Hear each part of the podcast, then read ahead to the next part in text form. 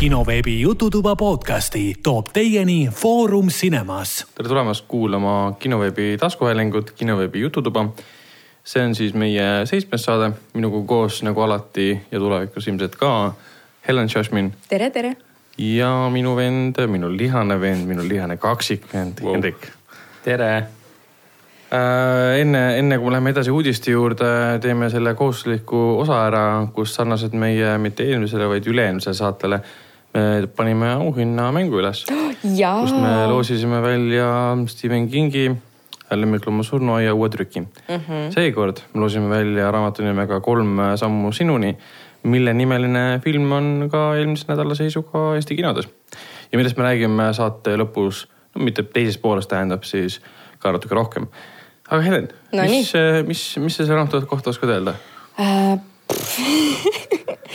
väga hea raamat aga selle jaoks, et äh, üks, üks kuulajatest selle raamatu endale saaks, äh, küsime me ühe suurepärase küsimuse. nimelt me tahame siis nüüd teada, ähm, filmis mängib peaosa ühte, ühte osalist õigemini. üks meesnäitleja. Cole Sprouse nii, ja meie nüüd tahame teada seda. mis on Rossi poja nimi ähm...? kuna Cole Sprouse äh, on see poiss, kes mängis äh, Sõprade seriaalis just, Ross Kelleri just. poega me tahame teada tema tegelaskuju nime. keda Cole Sprouse kehastas. ja, ja me vajame ainult eesnime. ainult ühte nime, just. see on tegelikult väga lihtne vastus, väga lühike vastus. ja, ja selle võib saata kasvõi ühe sõnana siis äh, Ragnarile emaili peale. kinoveeb at jututuba ee mm -hmm. on see koht, me paneme selle, selle auhinnamängu üles ka siis Facebooki, läheb üles ka kinoveebi mm. -hmm. et see jõuaks kõikide kuulajate ja lugejateni. just ja siis äh, üks nimi loositakse välja ja tema saab selle raamatu endale ja Ragnar võtab võitjaga ühendust. kui on üks õige vastus, siis saab see üks inimene, kui on mitu õiget vastust, siis loosime väga ausalt selle ühele inimesele välja. temaga võetakse ühendust, aga sellest juba järgmises saates. aga lähme edasi uudiste juurde ja meil on väga palju Eesti uudiseid õnneks. Äh, samamoodi nagu on seotud filmikunst ja kirjutamise kunst nagu raamatud ja filmid on ka siis äh, maalikunst seotud kõik omavahel. ja ma tahaks välja tuua sellise asja, et Tartu Loomemajanduskeskuses siis ähm, avatakse kohvikus Spargel äh, Tartu Tartu noorte kunstioksjoni tööde näitus. et näitusel on väljas siis seitsekümmend üheksa tööd ja kuuskümmend kaheksa kunstnikku on siis need tööd teinud. ja näitus avatakse neljapäeval, kahekümne viiendal aprillil ja siis, äh, kes on äh, kõvem mees, siis äh, võib ka oksjonist osa võtta. eelmisel aastal minu teada oli seal ähm, kõige populaarsem töö Edward von Lõnguse töö, mille eest maksti kas kolmteist või seitseteist tuhat eurot mm.. et poisid rahakotid välja, et. Äh, kohe, kohe lippena toon oma rahakoti. kunstnikud vajavad elamiseks raha. ega mul ja..., mul kodus ausalt öeldes uue kunsti jaoks enam ruumi pole, et vana, vana ei, kunst ei, on ruumi ära võtnud. see ei ole variant, see ei ole variant. aga nende töödega siis saab tutvuda Tartus, äh, Tartu Loomemajanduskeskuses ja siis äh, tõenäoliselt kosta.ee keskkonnas ja vist isegi kuskil internetis peaksid need tööd ühel hetkel üle, üleval olema, et saab neid siis vaadata ja nautida vot. väga äge. ja mida veel saab nautida, eh, Eesti Kinoliit äh, on korraldanud sihukese ürituse, kus kinomajas toimub noortele selline seanss, kus siis tulevad kohale filmitegijad ja nendega saab siis juttu rääkida ja siis saab ka filmi vaadata ja filmiks on ei tea keegi. Tõde ja õigus. ja Tõde ja õigus. Eesti vaataja rekordeid purustanud ja neid püstitanud. ja, ja endiselt kinos vaadatav Tõde ja õigus. Äh, üritus ise toimub siis seitsmendal mail kella ühest kella viieni Kinoliidu majas, kinomaja Uus kolm Tallinnas. et see on mõeldud nüüd noortele äh, üheksa kuni kaheteistkümnenda klassi õpilastele. et noh, ta toimub küll Tallinnas, nii et siis kas siis lapsevanemad saavad oma lapsi sinna saata või siis, kui meil on nii noori kuulajaid, siis saavad nemad ise minna. Äh, üritus küll on tasuline, aga see ei ole väga kallis et äh, kindlasti tasub kohale minna ja uurida, mis loom see režissöör on, mis on kunstnik, kes on valgusmeister või montaažirežissöör. et äh, kõik nemad on seal olemas ja räägivad siis, äh, kuidas ja miks nemad seda filmi tegid ja kuidas nemad üldse filme teevad. aga kes tahab sinna minna, siis kindlasti peaks ka registreerima ennast, registreerimine kestab kuni kolmekümnenda aprillini ja siis saate Kinoliidu kodulehelt või Facebookist siit vaadata juba täpsemalt infot ja sinna email ka saata vot sihukene põnev asi, aga see ei ole veel kõik. oi, oi, see on nagu Topshopi reklaam aga oodake, meil on veel Eesti uudiseid. Äh, kinobuss ja Eesti Filmi Instituut kutsuvad noori Euroopa parimat filmi valima. selle jaoks siis äh, peaksid kõik kaheteist kuni neljateistaastased noored äh, ennast kirja panema ja ürituse kohta täpsemat infot saab Artise kodulehekülje pealt.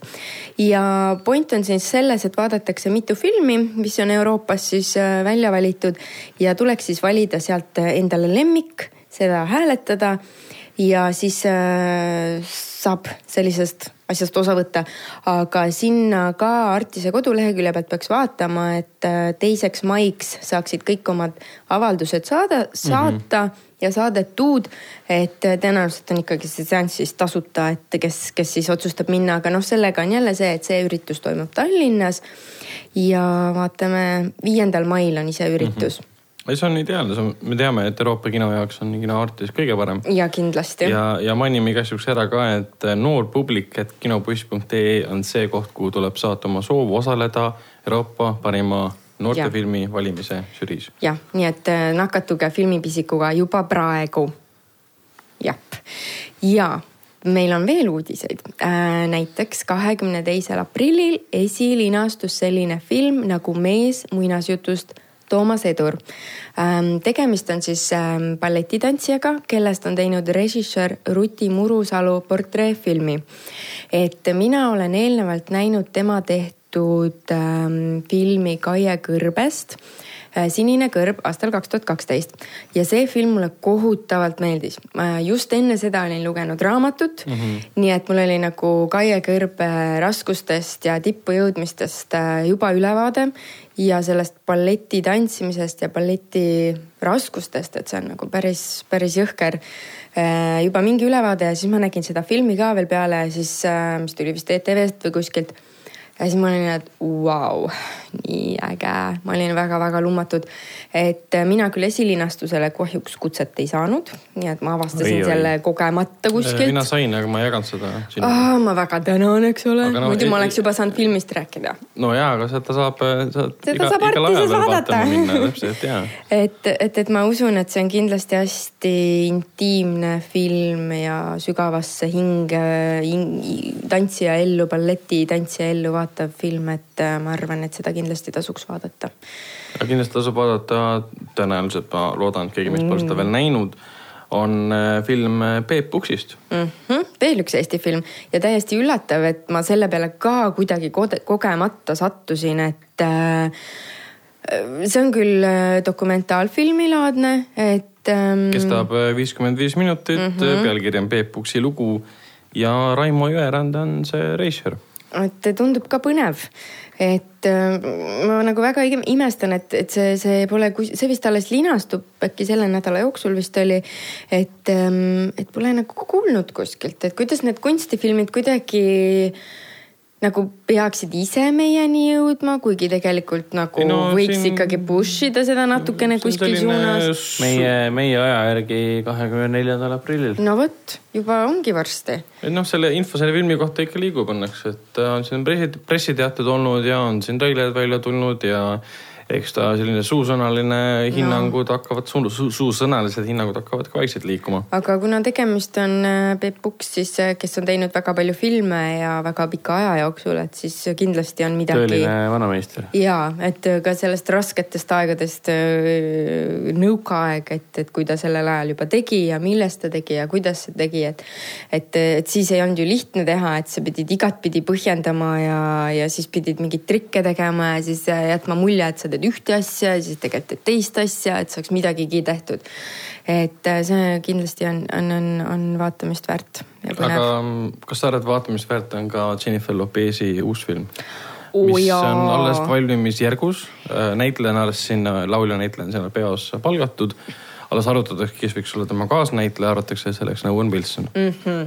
ja kuna filmi pealkiri, pealkiri on Marry me, siis ilmselgelt on see ju midagi, mida kindlasti peab vaatama. mis see, mis see eestikeelne pealkiri oleks? abiellu minuga, naitumine. naitu minuga ja. naitumine.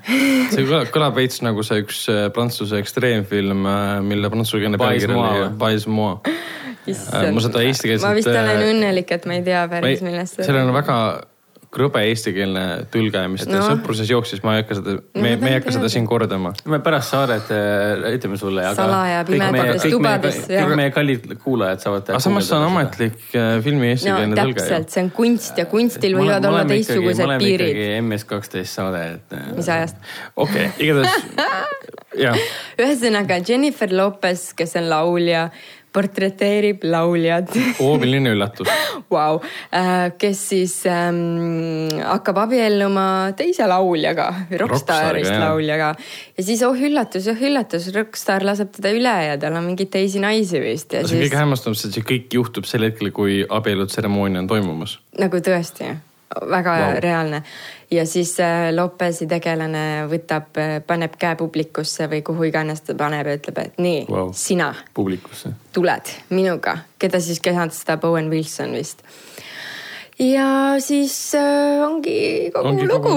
ei, see on päris huvitav komöödia tuleb sellest, et Jennifer Lawrence on endiselt selline kõva publikumagnet. ja väga. tema möödunud aastal Eesti kinodes linastunud film oli see. teine võimalus. teine võimalus, Second Act. see tehti kuueteist Wow, miljoni uh,, tehti kuueteist miljoniga tagasi teenis seitsekümmend kaks, et see näitab, et tal sellist box office jõudu tõmmet endiselt on. Jaa, peab olema. kuigi ta jätkuvalt teeb siukest äh, ma ei tea, mingi veerand sajandit vanu äh, romantilisi mm. -hmm. roosamannasid. aga mingipärast noh, tal on siukseid tiinekaid fänne, kuigi noh, samas need tiinekad on tõenäoliselt suureks kasvanud juba, sest ma ausalt öeldes ei mäleta ühtegi tema uut poplugu, ta tegi seda sarja mingi Blue, Blue, Blue, Blue Blue Bloods või? ja vist oli äkki. ei, see on Tom Selleckiga seriaal Amazon Video Prime'is, mis on kestnud mingi kuus hooaega. krimiseriaal Politsei ülemust, ma ei ole seda kunagi vaadanud, aga see ilmselt ei ole Jennifer, Jennifer Lopeziga. Äh, ma pean nüüd seda teadma, mis asi ta oli. Täidame tühjust, ei tea, ei tule Helen meelde. hakkas jah kontrollima, millega on Jennifer Lopez vahepeal tegelenud, ei, aga üks sari oli tal siin, mis vist pandi ka kinni. aga anyways, noh, ma ei tea.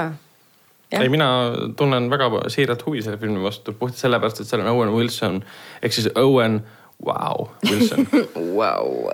wow., võiks öelda niimoodi wow.. aga mis tundub, tundub kindlasti veel, veel väga põnev on selline film nagu The Vol- Velocipastor. Te võite võib-olla Wow. arvata, et ma oot, oot, oot, oot, kas sa ütlesid valesti praegu?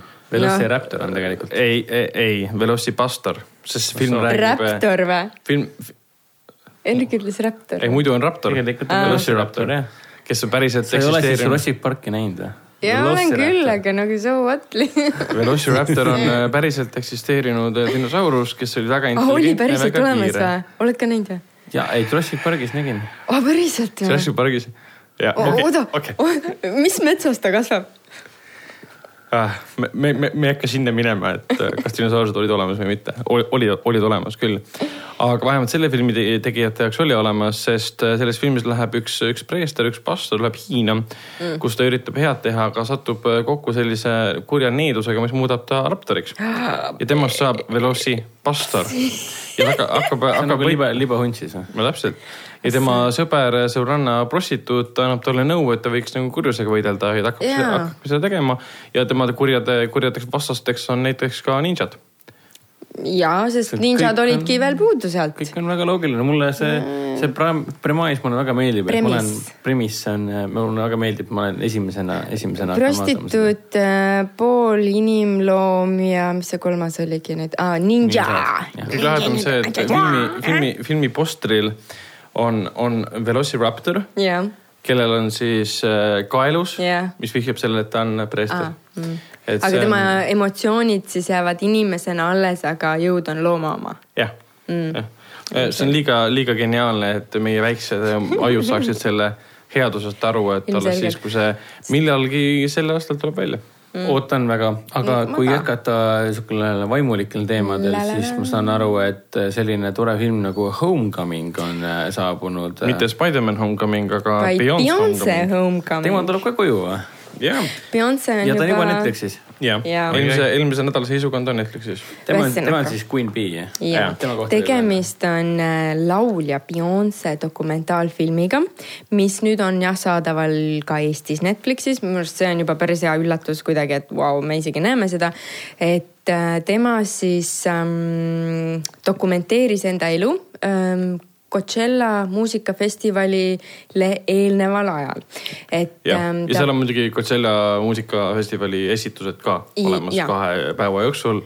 kuna, kuna ma ei tea, kuhu ma selle lausega jõuda tahtsin, aga nii. aga ma, ma võin lõpetada, et, et ta tahtis äh, Coachellas, Coachellal esineda juba aastal kaks tuhat seitseteist, aga siis ta jäi rasedaks ja siis ta sai kaksikud ja siis minu arust seal filmis peaks ta ka nagu näitama ja rääkima uh -huh. ja avama enda elu koos laste kaksikutega ja seal oli vist terviseprobleemid ja siis ähm,, ja siis kuidas ta valmistus selleks ja, ja kõik siuksed ähm, intiimsed asjad, mis ta siis nüüd mm. meile ja kogu maailmale näitab ja paljastab. ei, ma alguses vaatasin esimesed pool tundi, mis koosneb ainult kontserdist, väga võimas jah, tema enda produtseeritud, kirjutatud, lavastatud ja muidugi kellegi teise poolt filmitud mm.. aga ei, show on äge, see on ikka väga väga võimas., mul tuli praegu meelde see naljakas meeme, mis temast oli see, kus ta on seal mingi siukene üks, ta tahtis. valel hetkel ja tehtud, pilte ja, ja, ja, ja tahtis, et terve internet selle eemaldaks kus ta aga- seal mingi hullult siukses jõhkras poosis on, aga siis internet oli no, no, no kõik, mis baby. on korra internetti jõudnud, see sinna ka jääb. sa oled Queen Bee, aga kõike sa ei saa. ja, ja,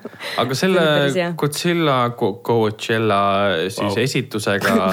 Godzilla. Coachella, Coachella, meil on Godzilla teemaline uudis ka, et ma lähen kuidagi vaikselt sinna peale. selle esitusega ta purustas ka ühe rekordi või sellise, tõestas midagi, ühte asja no.. Hendrik oskab öelda, mis see täpselt oli? ah jaa. Tema oli esimene mustanahaline naine, kes jõudis äh, sinna pealavale. ta läks sellega täitsa ajalukku, et ta on esimene mustanahaline peaesineja, naispeaesineja. Coachellal. naljakas ja see on nii kaua kestnud, see festival, see on üle maailma kuulus. alles, alles nüüd ta siis jõudis, mitte ainult tema, vaid üldse mustanahaline nais. see on ikka imelik. naisartist on üldse nii kaugele jõudnud, et äh, veidral ajal ikka elame, et Mm. et, et aga ma arvan, et see film pakub väga palju emotsioone ja see kestab arvan, üle et kahe tunni, ma arvan, et neid on seal aja üle ääre isegi. ma arvan ka, et äh, väga vinge asi, mida, mida on niimoodi kaeda, kuulata ka. ei no Netflixis on veel seal Taylor Swifti üks kontsert mm., kontsert ka miks. ja mingi Lady Gaga asi jäi mulle ka silma, jah, et see oli äh, Five Foot Long või mis ma ei mäleta. Five Feet Tall või midagi laadset oli selle pealkiri, see on, see on ka siis tema ühest ähm, show'st ja seal, kuna see tuli välja enne Star is Born'i, siis seal veits nagu mainitakse Star is Born'i ka mm.. Five Foot Ja Two Five Foot Two. Long no. peaaegu noh, mis no asja. mõte oli, mõte oli õige me ei arvesta siin nagunii neid jalgades asju, nii et vot, aga millega tasub kindlasti arvestada, on see, et ähm, sel nädalal ähm, saab ähm, lõpp, saab alguse lõpu algus vau, väga Vau, sest, tõesti. Äh, sest tasujate lõppmäng on äh, Marveli siis kolmanda faasi, kuna Marveli need kinouniversum koosneb kolmandast faasist, kolmanda faasi lõpu algus nii-öelda mm, -hmm. sest tegelikult äh, lõppmäng ei ole täiesti viimane selle, selle faasi film, vaid Appi. selleks on siis juunis linastuv äh, Tom Hollandi teine Spider-man'i film Kuigi- ämblikmees, ämblikmees kodus kaugel. kuigi pikka aega oli nagu, nagu peaaegu et nagu fakt, et noh, on loogiline, et lõppmäng on selles mõttes literaali lõppmäng. ja Sest noh, sest pealkiri ämblik on- mees sai ka surma ju seal Täpselt. Selle lilla mehega. No- täpselt, et kuna tuleb uus film, kus ta on elus, siis ilmselgelt on see Midagi- nagu äh, post, post endgame. äkki see on hoopis pre-post endgame. vot seda nüüd ei, ei äkki see ongi teagi see. salajane nüke, et ta leiab aset enne endgame'i. Sest selle filmi, enne Infinity War'i. Sorry, selle, selle filmi reklaamimaterjalide osas äh, pole üldse aru saada, mis ajal ta aset leiab No kuigi tundub kuskil nagu mainitud, et ta leiab aset pärast lõppmängu, mis muidu on nagu veider selle koha pealt, et äh, ämblik mees nagu suri ära mm. -hmm. ja siis nüüd ta on tagasi. Aga. ja mis teistest ta, saab, kus teised on limbos kuskil, mida? ta on, ta on tagasi filmi kujul, enne kui me näeme teda tagasi tulemas aga see ongi selline suure nagu nii-öelda konveieri tööstuse probleem, et mm. kõik filmid tuleb ette ära planeerida, need on ära mm. avalikustatud. ehk siis, kui see tuleb välja film, mis tapab kõik tegelased ära, siis sa vaatad kalendrit, ah siin tuleb veel kümme tükki nendega seoses. mis siis, mis siis Marvel oleks, mis siis Marvel oleks pidanud tegema, et kuulutab filmi välja alles nüüd ja laseb järgmisel mõned kuud, mõned vaevu mõned kuud enne, enne filmi välja tulemist seda poleks nad teinud, aga mis siis oleksid aastal kaks tuhat kakskümmend oleks need film välja tulnud? no täpselt jah, aga ma arvan, et nad kuidagi arvestavad seda sisse sinna. Nad ikkagi. Nad tõenäoliselt ikka teavad. filmi pealkiri on uh, Far from home. Ahaa, põgeneb Peter Parkeri ehk siis Spider-man sõnastas mõttes äh, igavikusõjas ehk mm -hmm. Tom Holland mm. -hmm. tänan selle täpsustuse eest mm. -hmm. igavikusõjas sõnastas mõttes muutus, tuhastus, suri ju äh, väga kaugel kodust. mõtle, kui keegi ei olnud näinud praegu seda, sa spoilisid ära. ma spoil isin eelmise aasta suurima filmi aga saate mu peenile pihta, eks, see mitmetähenduslik pealkiri, ehk siis sõnastas kaugel kodust, et sõltuvalt mhm. sellest, mis siis Endgame'i lõpus, lõppmängu lõpus tegelikult toimub Äh, siis saame ka teada, mida see, mida see kodus kaugel tegelikult tähendab mm. -hmm. et see ei ole lihtsalt see, et Spider-man läheb Euroopasse. Spiderlane. Spiderlane mm. -hmm. see on nagu lasnamäelane, Spiderlane okei okay,, lähme edasi äh, räägime mõne sõnaga ka sellest, et. Äh, toorlased on ka veel olemas. taaskord järgedest, sest nii nagu Spider-man saab järje, saab ka Thori järje. viimane Thori film oli Thor Ragnarök, mis see oli. see oli nii äge Taika Waititi oma ja me ja. teame, et see on Heleni üks äh, paljudest lemmikutest. Marveli kinouniversumis mina kui suur fänn, maailma suurim fänn aga sel filmil oli palju äh, suuri positiivseid Nii. Äh, elemente ja üks nendest oli kindlasti Tessa Thompsoni keerestatud Valk-, Valküür kes oli äh, väga meeldiv äh, karakter. see oli see alkohoolik, kes kukkus kohe alguses kokku oma laeva pealt, kui ta läks äh, Toorile järele seda kinni püüdma. niisugune tusane eks, eks, ekssõdur nii-öelda ja. ja tema siis ongi viimati maininud, et juba, juba tegeletakse sellega, et Taika Waititi esimese osa režissöör tegeleb sellega, et pitch ib, mitte bitch ib, vaid mm -hmm. pitch ib pitsib maha järgmist ideed, millega, mille, millest siis räägib tegelikult. kas ta on midagi välja mõelnud ka juba või see on saladus? no nagu nii palju pole veel äh, tammi tagant välja tulnud, aga mm. ütleme nii, et kohe, kui Endgame on kinodes maandunud, vähemalt mm. nädala pärast no me saame kõikide. nädala nagu, pärast samal ajal teeme rohkem tõenäoliselt. me saame kõikide tegelaste saatused teada, sealt me saame nagu tuletada, mis tähendab Thor neli okay.. Uh, huvitav fakt on ka see, et Taika Waititi um, on täiesti nagu Disney haardes nüüd. on või uh,? ta ju selle koha pealt um, Disney plussi tuleb nüüd novembris uh, Mandalorian, mis on see Star Warsi seriaal ja tema on seal paari episoodi režissöör ka. ahaa, seda ja. ma ei teadnudki. Äh, Taika Waititi ühel hetkel ju käisid kuulujutud, et taheti võtta siis Galactica valvurite kolmanda osa režissööriks mm -hmm. ka, aga kuna ah, no, James Gunn mm -hmm. tuli tagasi, kõik oli korras. et ta on ikkagi noh, täiesti omaks võetud mm, -hmm. oma klemm nii-öelda klemm ei, ta suudab väga head nalja teha ja suudab näitlejad panna üksteisega hästi suhestuma ja ja kõik see tema nagu sihuke dünaamika ja mulle see positiivsus ja lihtne huumor ja kõik need mm. asjad, mis ta nagu suudab luua, mulle väga meeldivad, et ma väga ootan, et ma saaks vaadata tema no. sarja mis nüüd peaks juba väljas olema. see on väljas, Foxi pealt hakkas jooksma uh,. What we do in the shadows yeah,, yeah, sari yeah.. see kusjuures tuli umbes samal ajal välja ka Troonide mängu kaheksanda hooaja esimene osa. no vot. selle, selle kära, kära taustal ei olnud midagi kuulda, jah uh,? ei, seda on arvustused ammu väljas juba seda kiidetakse. aga ja väga-väga palju ei ole räägitud, aga nii palju, kui silma on jäänud, on ja. see, et ikka sama hästi läheb edasi, nagu see film ise oli no,. film ise oli tõesti mitu korda vaadatud ja. ja seda tuli kuskilt ETV pealt ka. absoluutne favoriit kogu eluks. nii hea lihtsalt, ta mängib ise seal ju ka ühte seda vampiiri, nii et kes tahab teada, milline ta on. ta oli nii tore, see on nii armas mees. see seriaalis on siiski noh, täiesti uued. ja, ja seda muidugi jah. aga, aga, aga filmis oli, ta mängis ise ka ju. ja no filmis tegelast. olid ju nii palju ikoonilisi, ikoonilisi tsitaate ka, et samamoodi needsamad äh, toredad äh, libahundid. ah jaa, libahundid nagu muidugi nagu. modernses ühiskonnas hoiavad ennast tagasi, et nad ei mm. läheks närvi ega muutuks mm. siis äh, libahundiks aga mida nad siis ütlesid seal, et kui nad kippusid äh, ropendama yeah., siis nad ütlesid üksteisele, et vaatasid üksteisele sügavalt silma ja siis hüüdsid koos, et who are we? We are werewolves, not, not swearwolves. ehk siis me oleme libahundid, mitte sõimajad hundid. see on siis see sõnamäng nii-öelda inglise keeles. et see on, et see on fantastiline.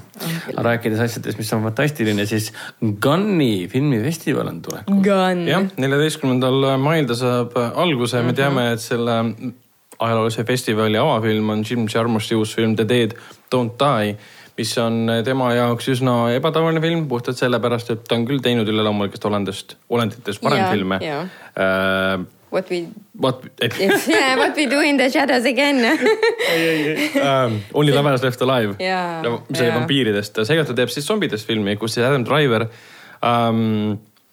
Bill Murray ja väga paljud teised uh, maailmakuulsad uh, näitlejad, tohutu plejaad on neid seal kokku pannud, võitlevad siis külakeses uh, zombidega Äh, lisaks äh, on võistlusprogrammis esindatud äh, Pedro Almodovari uus film Dolor äh,, ütlen inglise keeles siiski no,. Pain and Glory. mis asi? Pain and Glory. Pain and Glory. mitte, mitte Batman'i vastane Pain, aga Pain and Glory. valu, valu seda, ja ma ei tea. seda Batman'i täpsustust ma tahtsingi mm. kuulda, siis ma olin segaduses aga Almodovari filmid on Eestis olnud suhteliselt populaarsed, et. Need on ka head olnud. Almo, Almo ja Penelope on see, oota, kes seal peaosas on?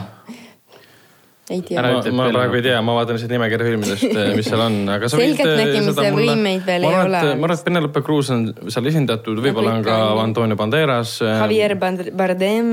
ka tema võib-olla jah senikaua, kui Hendrik kontrollib, kes on Almodovari uue filmi Pain and Glory peaosas, ma mainin ära, mis on veel Cannes'i võistlusprogrammis no,.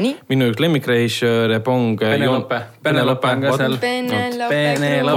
Pole olemas Almat ilma Penete. Peneta, noh Penelopeta, ma tahtsin. okei lähme edasi. nii, minu üks lemmikrežissöör Bong Joon-ho, uus film on olemas ka võistlusprogrammis. Ähm, selle filmi nimi on Parasite äh,. treiler on selle kohta ka väljas, tasun, tasub, tasub üles otsida. režissöör ise on öelnud, et ta pole kindel, kuidas Cannes'i žürii seda filmi mõistab. miks äh,?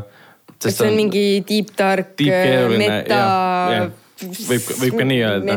kuigi Bong iga. pole otseselt tuntud selliste filmide poolest, mis oleksid väga segased mm, -hmm. sest tema see Memories of Murder ah,, Mother, äh, isegi Parking Dogs, Never Bite äh,, siis mm. äh, on Netflixi jaoks tehtud Okja. Need on alati ah, väga, väga. see peaks praegu ka vaadatav ja, olema. on mm., need on alati väga teistsugused ja Memories of Murder on minu arust filmikunstiline misseteos mm.. Äh, lisaks muidugi mm, võistlusprogrammis vendade Dardennide uus film Young Ahmed Dardennid on need vennad, kes on põhimõtteliselt igal aastal Cannes'is esindatud. Need üks film, mida me vist vaatasime filmikoolis kõik Nii. koos, oli see mingi punane, punane jalgratas või midagi laadset või? ühest väiksest poisist, vaata. aa ja., see ei olnud punane, kas see ei olnud Bicycle Thieves, Thieves või see on liiga vana? ei, Bicycle Thief on, on vanem jaa uh,. see oli midagi rattaga seoses küll. Kid with a bike. Kid with a bike. poiss jalgrattaga. jah, poiss jalgrattaga, Äh, võistlusprogrammis on veel Xavier Dolani uus film, kes on see, kuidas nüüd öelda, Kanada indikolaps, kes enne mhm. kolmekümnendat mm -hmm. eluaastat on suutnud teha väga palju maailmakuulsaid filme. Äh, Briti režissööri Ken Loachi uus film Sorry we missed you. Terence Maliku, minu ühe lemmikrežissööri uus film Hidden Life, mis hiljuti kandis pealkirja veel, pealkirja veel uh, Radekund hmm.. kurb on see, et seda filmi ei ähm,, operaator pole selle filmi siis enam Emmanuel Lubetski, kes on siis näiteks The Revenanti operaator ja hiljuti, hiljuti võitis Oscari ka, oligi Revenant just jah äh,, sest ta mingil põhjusel vahetas ta välja ähm,. lisaks on siis Uncertain Regard programmis näiteks ähm, Bruno Dumonti uus film äh, Joan of Arc mm? ähm, jälle Joan of Arc või? mida muidugi väga põnev, et just Bruno Dumont teeb Joan of Arcist okei okay,. ma jällegi, mul pole sünopsist ees, et äkki see on mingi tõlgendus äh,, intertekstuaalne lähenemine sellele vanale loole, ma ei, ma ei, ma ei kujuta ette. Hendrik jälle kontrollib seda meie jaoks senikaua, kui Hendrik kontrollib Bruno Dumonti uue filmi Joan of Arc'i infot, ma mainin ära, et ähm, Cannes'i siis, Cannes'i tähendab siis äh, Directors Fortnite'i no,, kus on siis esindatud žanrifilmid mm. -hmm. on mhm. väga palju lahedaid filme välja kuulutatud no.. Äh, nende hulka kuulub näiteks Robert Eggersi uus film The Lighthouse, kus on siis Willem Dafoe ja Robert Pattinson see on see yeah, mees, kes tegi yeah. selle Witchi. The Witchi ja mida kõik arvasid, et on eriti õudne õudusfilm, läksid vaatama, see oli selline kunstiline õudusfilm ja mulle väga meeldis see. mulle üldse ei meeldinud uh,. lisaks on siin Takashi Miike uus film esindatud uh, First Love see on minu arust väga-väga-väga-väga äge tüüp. kes Miket ei, Miket ei tea, siis äh, see on see mees, kes on tuntud selle poolest, on Japan Racer siis, kes vahepeal lavastas vist aastas viis filmi oo, tagasihoidlikult viis filmi. nagu näitleja, kes osaleb viies filmis aastas, ei ta lavastab viis filmi aastas. üks film tuleb tal kinodes välja ja teine on juba valmis ja kolmas on võttes. jah, ta ei puhka, ta ei tea, mis asi on puhkamine. kakskümmend neli seitse film, kaamera, kirjutamine. tahaks ka nii produktiivne olla oh jah, seda elu küll oh,. nii. unistused. on siis veel Cannes'is midagi huvitavat? Jah, žanrifilmide koha pealt äh, ega ma ei oskagi rohkem siit mainida siis teised ütlevad mulle üsna vähem. no selge, aga jätkame siis sellega, millega tegeleb meie kõigi lemmiknäitleja Karl Urban, kellest me tegelikult. Karl Urban või? Urbani poiss. Äh, kui nüüd ei eksi, siis eelmises saates äh, mina mainisin, et ma vaatasin, ei, see oli Boss Baby. Üle-eelmises saates äh, vaatasin Mina mida ma vaatasin no. Karl Urbaniga seda meeletult ägedat stiilset ulmemärulit äh, Treedi uuesti. aa ah, jaa, sa rääkisid sellest. seal siis säras meie lemmik äh, Karl Urban ja nüüd alles hiljuti tuli välja treiler, väga verine, väga ropp uh -oh. treiler uh -oh. film, see teleseriaalile. Äh, noh, mitte just teleseriaal, Amazoni TV-seerias nii-öelda äh,, mille nimi on The Boys, mis põhineb samanimelisel koomiksil koomiksil mm. -hmm, koomiksi seerial. USA koomiks tõenäoliselt jah. täpselt nii ja mis muudab selle asja huvitavaks, on see, et tegemist on väga R-rated sisuga oh. -oh. ehk siis teises sõnus on superkangelaste maailm. taaskord superkangelaste maailm. aga äh, superkangelased on äh, üle käte läinud ehk siis see on see maailm, et äh, kus reaalselt iga super, supervõimetega inimese mhm. tegu mm -hmm. äh, on väga ohtlik. ühesõnaga pahad poisid võtavad linna üle, jah? Ei, poisid on pigem see eri, erigrupp, kes tegelebki sellega. seal on tüdrukud ka siis jah? jaa mm., kes tegelevad eh, ohjeldamatute superkangelaste eh, vägitegude ohjamisega. Vau, okei, midagi sõnu, teistsugust natukene vähemalt. täpselt, ehk siis ta on väga sihukene prooni ja väga sihukene verine mm -hmm. ja mhm. väga võigas kraam ja treiler oli. Eh, räigeid kohti täis, ütleme nii mm.. treileri põhjal nagu väga poksult musta huumorit ja täis. ja kui kaua seda ootama peab? kahekümne kuuenda juulini Amazon Aa. Video Prime'is hmm.. seal saab, seal saab juba praegu watchlist'i panna. Aa no kuidas see tõenäosus on, et kas see meie, meie regiooni ka jõuab või? sest ta on juba olemas selle, selle koha pealt, saab watchlist'i panna, et see, seda vahest ütleb minu arust okay. ära, et ta on siis kindlasti tuleb sinna. issand, see on midagi isegi, mida ma ootaksin. on, sest no, vähe on tegelikult selliseid filme või seriaale, mis võtavad väga nagu. mingi teise nurga vaata. mitte lihtsalt gritty-nitty nagu Man of Steel ja mm -hmm. Justice League, vaid, vaid hoopis nagu realistlikumal tasandil mm, -hmm. kus siis meil on äh, kari eriti ropendavaid yeah. vastikuid alkohoolikutest vägilasi mm. kes võtavad kätte ja karistavad neid, kes on mingi no,. keda sa ei saa põhimõtteliselt karistada. jah, sest ta on superkangelane, siis sõna otseses mõttes ta viskab kellegi üles, siis ta on niivõrd võimas ja siis samal ajal, ah ma päästsin ta ära. Ja, ja samal ajal lärtsti pärast autot lendab tükkideks põhimõtteliselt, vereklomp on alles. seal oligi selle komiksi noh, põhimõte oligi see, et see aine, mis annab meile võimed, ka võimendab nende väga halbu iseloomujooni mm,. Okay. ehk siis, mis siis oleks, kui superkangelased on nagu viirus, mida peab ohjeldama. kusjuures Superman oleks räige mölakas, kes ei hooli inimelust räige mm.. Mm. aga teate, mida tegelikult The Boys mulle meenutab või? sellist äh, seriaali Powers. nimega Powers, mis mm. Äh, jooksis äh, tegelikult ainult kaks hooaega. Shalto Copley sealt ta õppis selle peaosas, ta jooksis äh, aastast kaks tuhat viisteist kuni kaks tuhat kuusteist. ja hiljuti Eestis käinud äh, stand-up esineja ja üldse inspireeriv inimene Edi Isaart mängis seal inim, Põhi... inimsööja superkangelast. inimsööjast põhipaha tegelikult. mul jäi ühel hetkel see sari esimeste hooaja lõpus siis pooleli, aga ta oli üsna sarnane, ehk siis väga okay. sihukene realistlik, sihukene film noirilik lugu endisest superkangelasest, kes on oma supervõimed ära mm -hmm. kaotanud sõna otseses mõttes Eh, ta oli hästi kuulus, see on kostümeeritud värk nii-öelda nagu Watchmen, kõik kannavad kostüüme, on hästi ägedad, aga nüüd on kõik muutunud teistsuguseks, kõik on vanaks jäänud ja vastikuks oh. muutunud. ja tema on siis politseinik, kes tegeleb siis superkangelaste kuritegudega okay. ehk siis superpower division mm -hmm. eraldi.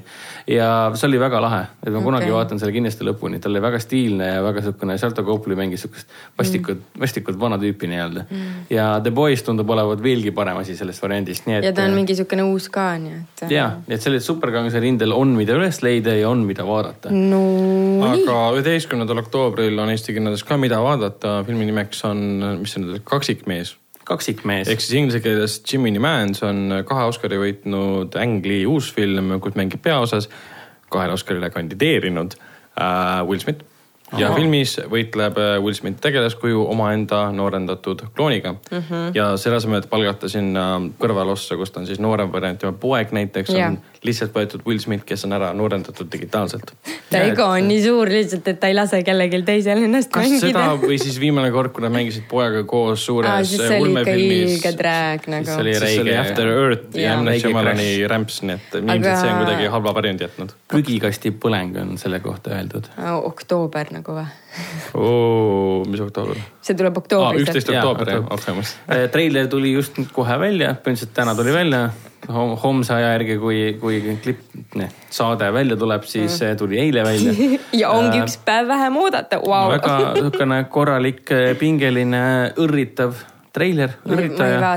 midagi, midagi väga silmapaistvat seal ei olnud, sest väidetavalt on filmil 3D äh, variandis sada kakskümmend kaadrit sekundis okay. ja 2D kuuskümmend kaadrit sekundis. vastupidi 3D äh, varianti oli USA kinodes näitavad kuuskümmend kaadrit sekundis ja 2D varianti näitavad sada kakskümmend. kasutasin praegu 2D, 3D või? jah. okei okay,, ma mõtlesin 3D sada kakskümmend ja 2D kuuskümmend, seda ma mõtlesin tegelikult. aga, aga väidetavalt on juba erinevatel konverentsidel näidatud ka materjali, et kui diiseltreiler, see õrritav treiler ei anna seda aimu, et no aga milles siis asi on? no täpselt. kus need efektid? suur, suurmeister Ang Lee, Pi elu ja Tiiger ja draakon teeb mulle mm., Brokeback Mäe lavastaja teeb mulle nüüd Will Smithiga Gemini Mani kaksikmehed treileri põhjal ei tundu ju niimoodi. aga see, kes nägid, need, kes nägid seda materjali, on internetis pärast öelnud, et, et vau wow,, that okay. was wicked kuigi et... Eestis ilmselt me sellises formaadis seda filmi ei näe. seda tõesti oleks huvitav teada, et kas mitte ei olnud mingi Sõrmuste isandate mingi variant äh,, jah, oli topelt, topeltkaadrikega näidati. jah, sul on õigus, Kääbiku esimest kahte osa näidati ka Eesti kinodes üle kogu maailma. et seda on hästi imelik vaadata. nelikümmend kaheksa kaadrit kolmandat ka ju ja kolmas oli ka, täpselt. et äh, see kindlasti on hästi omamoodi kogemus, et selle, ma ei kujuta ette muidugi, kui sa näed 3D-s ja sa näed nagu. kuuskümmend kaadrit sekundis. ja see on rohkem kui kaks korda ju rohkem seda tihedust no,. Kui... et silm, silm ju ei saa aru, mis ta näeb. minu, mina kui elupõline videomängur, kes on harjunud äh, esimese isiku vaates tulistamismänge mängima, kus kaasasagedus on kogu aeg üle saja, siis mina olen sellega nagu harjunud okay.. aga tegelikult noh see võrdlus on kohatu selle koha pealt, et film on, on, film võib olla staatiline, väikene ekraan ja mm. kinos on nagu staatiline kaader, kus tegevus mm -hmm. toimub ja Kääbiku puhul me nägime, et see võib olla väga harjumatu. aga ja. minu jaoks on see tegelikult väga põnev, et näha suure eelarvelist äh, efektipõhist action filmi kuuskümmend kaheteist sekundis 3D-s. on, ma muidugi loodan, et see sisu on ka seda väärt, et. tõsi, et no mulle isiklikult Kääbik nagu sobis 3D-s äh, ma ei rääkinud ja... küll Kääbikust, aga. ei, ma mõtlen seda, et ah, okay. just see võrdlus, et me ei olegi seda varem nagu kogenud nagu mm -hmm. 3D-s, et nüüd ongi Jimmy. ja ongi Jimmy see, et 3D-s on nagu täiesti ajuvaba lihtsalt. viimane 3D oli nelikümmend kaheksa kaheteist sekundis ja, ja mulle isiklikult see sobis, minu meelest see võimendas seda Peter Jacksoni Tolkieni maailma visuaalselt nagu väga palju. ja, ja värvid. kuigi see sai ka väga palju kriitikat, et enamik näiteks minu tuttaval üldse ei meeldinudki see mm,. no vot, et see on jah harjumatu et saab põnev olema, kui oktoobris veel see meeles on, et noh. no eks neil on oktoobrini aega seda filmi veel ähm, täiustada. putitada. kuigi seda peab küll ütlema, et selle treileri põhjal ma küll aru saanud, et see Ang Lee film oli Äh, ma ei näinud, et see on sama mees, kes tegi Life of Pi või Brokeback Mountaini või siis. ma arvan, et nad hoiavad tagasi ennast. Hidden Dragon, Crouching Tiger. võib-olla nad jah ei taha näidata Oktoober seda stiili või stilistikat või sisu või. see on umbes sama nagu eelmise aasta Venomi treileriga, et Venomi treiler tuli ah, ka minu meelest ju tasujate ajal välja.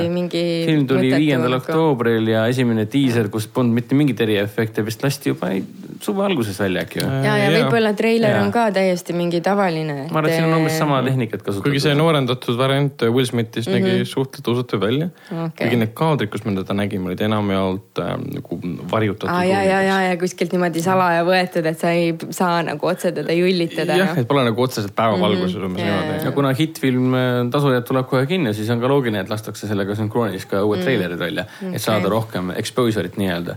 aga mida ei pea oktoobrini ootama, on no Godzilla kaks, koletiste kuningas. uus treiler tuli välja, kaks ja pool minutit rämedat monster beat em up'i et ma olen ikkagi, ma olen, ma olen ikkagi suur fänn. ütleme nii, et ma olen selle filmi, mida ma näinud ei ole, väga suur fänn. väga ootan seda. et kui, kui, kui äh,. kui on rõve pettumus, siis ma olen pettunud, aga praegu ma olen väga suur fänn. Warner, Warneri koletiste universumi esimene film, milleks oli Garrett Edwardsi Godzilla oli pettumus aga vähemalt minu jaoks siis. minu jaoks väga, väga ei olnud, ma jäin Godzilla filmini oli ta väga hea ja kui äh, Jordan, mis ta oli, Walk Roberts äh,. Jordan Walk Roberts yeah,. Äh, King äh,, Kong äh,, Skull Island oli suurepärane selle koha pealt, et action oli äge. mille, mida, mida peabki sellistes filmides olema. siis see uus film tundub lihtsalt nonstop action, mis on nagu väga hea, sest see on film Godzillast, ma ei ootagi midagi enamat sealt. jah, kuigi nagu praegu mõtlema hakata, siis on sihuke tunne, et vist peaks kõrvatropid kaasa võtma, et. kindlasti, et seal muud ei ole, kui lihtsalt nagu tagumine käib. ja, ja kui nad seal kuskil linnas veel peaks olema, siis ju läheb kõik põlema ja siis kõik asjad kukuvad üksteise peale. koletisi on nii palju, mis need no, kõik olid siis Motra, Rodin ja Ghidorah yeah.. üks on see röövelööbik lendab seal ringi, siis on see kolmepealine hüdra ja siis on see suur. ja need kisavad kisavad veel ja rahvas kisab ja issand jumal. juba spekuleeritakse, et on veel koletisi. treileris ütleb see Ken Watanabe tegelane, kes on samuti sealt äh, esimesest Godzillast pärit, eelmisest Godzillast, ütleb, et koletisi on seitseteist tegelikult. päris. okei okay noh, ei no neid, know, nagu. kuna Godzilla on ikkagi Jaapani äh, stuudio Toho loodud, kes yeah. hiljuti panigi Warner Brothersiga päris kõvasti ühiseid äh, rahasid ühte hoiukarpi, võib nii öelda Äh, tohutu suure sellise koostöölepingu tegid ja see on mhm. e-, e-, esmakordne selle koha pealt. oota, kas seal on midagi välja tulemas ka või on lihtsalt leping või? no tavaliselt on olnud see, et lihtsalt tundub, et mingi leping või koostööpartnerlus sündis mhm. igatahes mm -hmm., sest tavaliselt on see, et Toho teeb oma asju ja Merksat teeb oma asju yeah aga nad hakkavad vahelduseks ka asju koos tegema. tundub, et nad tahavad hakata kokku klapitama, et noh,. sest Aasias on palju raha ja. sest ühte Godzilla filmi vahepeal nägime, see oli see Godzilla nagu nii-öelda reboot Jaapani versioon, kus nad olid siis teinud, näidanud, kuidas Godzilla sündis. see oli, kas see oli see film, mille ajal ma magama jäin või? jah ah no see oli nii jabur lihtsalt, see oli. naljakas, ma isegi ei kuulnud midagi, ma nii ja. sügavalt magasin. sa mõtled seda kahe tuhande kahe, kuueteistkümnenda aasta Shin Godzillat või? jah. mille lavastajaks on legendaarse Evangelioni seeria looja Hideaki Anno ja mis, purustas kõik rekordid Jaapanis ja sai tohutult palju auhindu. seda oli väga raske jälgida, sest see on nii, kuidas nüüd öelda, Jaapani film, kuidas see Jaapani film olla saab, et otseselt mingit peategelast peale Godzilla mm -hmm. enda ei ole enamjaolt eh, sul on erinevad ministrid liiguvad ühes, ühes ruumis teise, kus nad arutavad seda, kus nad peaksid Godzillaga võitlema. keegi mitte midagi ei ja tee. ja see, see film oli selle koha pealt reboot, et eh, Godzilla alguses ei näinud üldse nagu Godzilla välja, vaid ta muutus selleks filmi jooksul. ta oli mingi sisalik või, ma ei mäleta. ja ta muteerus käigu pealt, käigu pealt ja. minu jaoks oli väga kihvt, väga teistsugune film, see, siin Hollywood ei teeks sellist filmi mm. no siin... sul ei ole kindlat peategelast, sul on äh, kari põhimõtteliselt valitsuse ametnikke, kes arutavad, kuidas, kuidas lahendada noh. olukorda. ja see noh. ja no ameeriklased panevad sinna sulle, sulle mehed ja naised täpselt või siis mehed-naised peosse mm -hmm. väikse lapsega sinna ja kuskil yeah. peab olema fookus. mitte mingil kümnel või kahekümne inimesel, kes istuvad kuskil ruumis. no aga mis puudutab Legendary ja Warner Brothersi koletiste universumit, siis fookus on neil täitsa olemas, et alates Godzillast ja Kang Kong, Kong, Kong Skull Islandis, nad on seda mütoloogiat väga palju laiendanud, et tõenäoliselt nüüd King of Monsters'is me näeme, tutvume kogu selle rämeda koletiste, eelajalooliste gigantide nii-öelda mütoloogiaga nii-öelda. aga kust nad tulevad, kust nad? aga seda me näemegi kolmekümne esimesel mail. Nad magavad, nad magavad hiiglased, kes üles äratatakse. ja, ja järgmine, järgmine film on ka nüüd juba töös ja linastub vist järgmine või ülejärgmine aasta. see on siis Godzilla versus Kong kus hmm. siis Godzilla ja King Kong hakkavad omavahel võitlema. mis pole ka esmakordne, jaapanlased on seda Toho sammu ära teinud. ka tundub kuidagi tuttav see teema. kuigi ma ei saa ka aru, miks nad omavahel kaklema peavad, aga. võib-olla uus film sekitab, et lähevad tülli kuidagi. keegi sööb kellegi mingi asja ära. no näiteks. kuigi kihvt on ka see, et äh, King of Monsters'i lavastajaks on Michael Dougherty mm.. Jah, mees, kes, kes tegi Trick or Treat'i ja siis ähm.... väga laheda jõuluhorror filmi nimega Krampus. oi. Ja samamoodi äh, Godzilla versus Kongi filmi ehk siis selle seeria järgmise filmi lavastaja Adam, Adam Wingard, Wingard, kes on samuti väga tunnustatud äh, peamiselt indie, indie-filmide lavastaja, indie-jõudukate äh, lavastaja. jah, ABC's of Death oli tema kaudu, VHS äh, oli tema kaudu, The Guest oli tema kaudu olgugi, et ta suutis ära rikkuda nii. Blair Witch oli ka tal. Blair Witchi kui ka Death. Note'i, mis oli kohutav oh,. mõlemad olid kohutavad.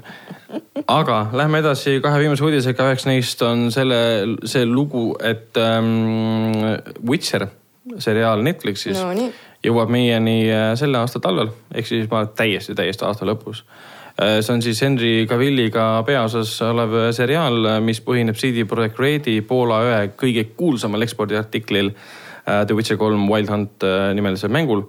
üldse tegelikult kogu mänguseerial ja Andrei Zapovski algupärasel romaaniseerial. Mm.. aga Riivimaa Geraltit, kes on muidu väga meeldejääv karakter nii raamatus kui ka filmides äh,, raamatus kui mängudes, siis teda jah äh,, erinevate ütleme kriit-, kriitikanoolte saatel selgus, et teda siis kehastab Henry Cavill ehk siis Superman ise jah äh,. no ta no, on kena mees mu meelest. absoluutselt et..., aga veits, veits nagu ongi point selles, et ega, ega Rivimaa Keeralt ei ole otseselt kena mees, ta on väga palju kannatanud mees mm. -hmm. aga kuna see esialgne promomaterjal, mis me nägime Hendrik Villi Keeraltist, ei olnud selline meigitatud ega mm -hmm. produktsiooni mõttes äh, mingi. ta oli nagu ta teist... oli ühesõnaga no, onju. täpselt jah, võltsparukas pähe pandud et ootame sellest, mis sellest välja tuleb, et. aga kõik... no see oli casting äh kas, kas see oli lihtsalt casting video ka ja, ja ei maksa erutuda asjadest, mis ei ole veel ja. Äh, valmis ja lihtsalt näidatakse fännidele. aga te oleme... väga erutusite ju tookord. aga no, see on, see on lahe, et kõik, kõik põhimõtteliselt teevad äh, striimi gigandid teevad endale mingi fantaasiaseriaali, et Amazon mm. teeb siin Dark Toweri seriaali mm, -hmm. siis ta teeb Sõnumite isanda seriaali, Netflix võtab, aa hmm,, Witcher on väga pikk seeria, me saame lüpsta seda. see oligi Netflixi omas jah? jah, jah, sest noh, Witcher on äh, maailmakuulus videomänguseeria. sellest on juba kõike tehtud. maailmakuulus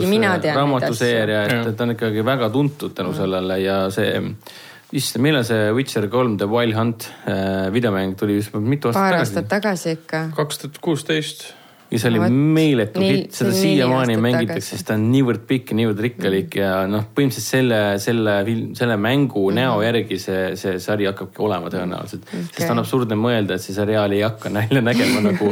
Poleks ju mõtet ju mitte teha. sest visuaalselt on töö juba tehtud. kaks tuhat viisteist no,. Vau, see oli ikka nii ammu. mõni mees mängib seda siiamaani. mina mängisin seda viis, üle viiesaja tunni ma ei kahetse ühtegi minutit.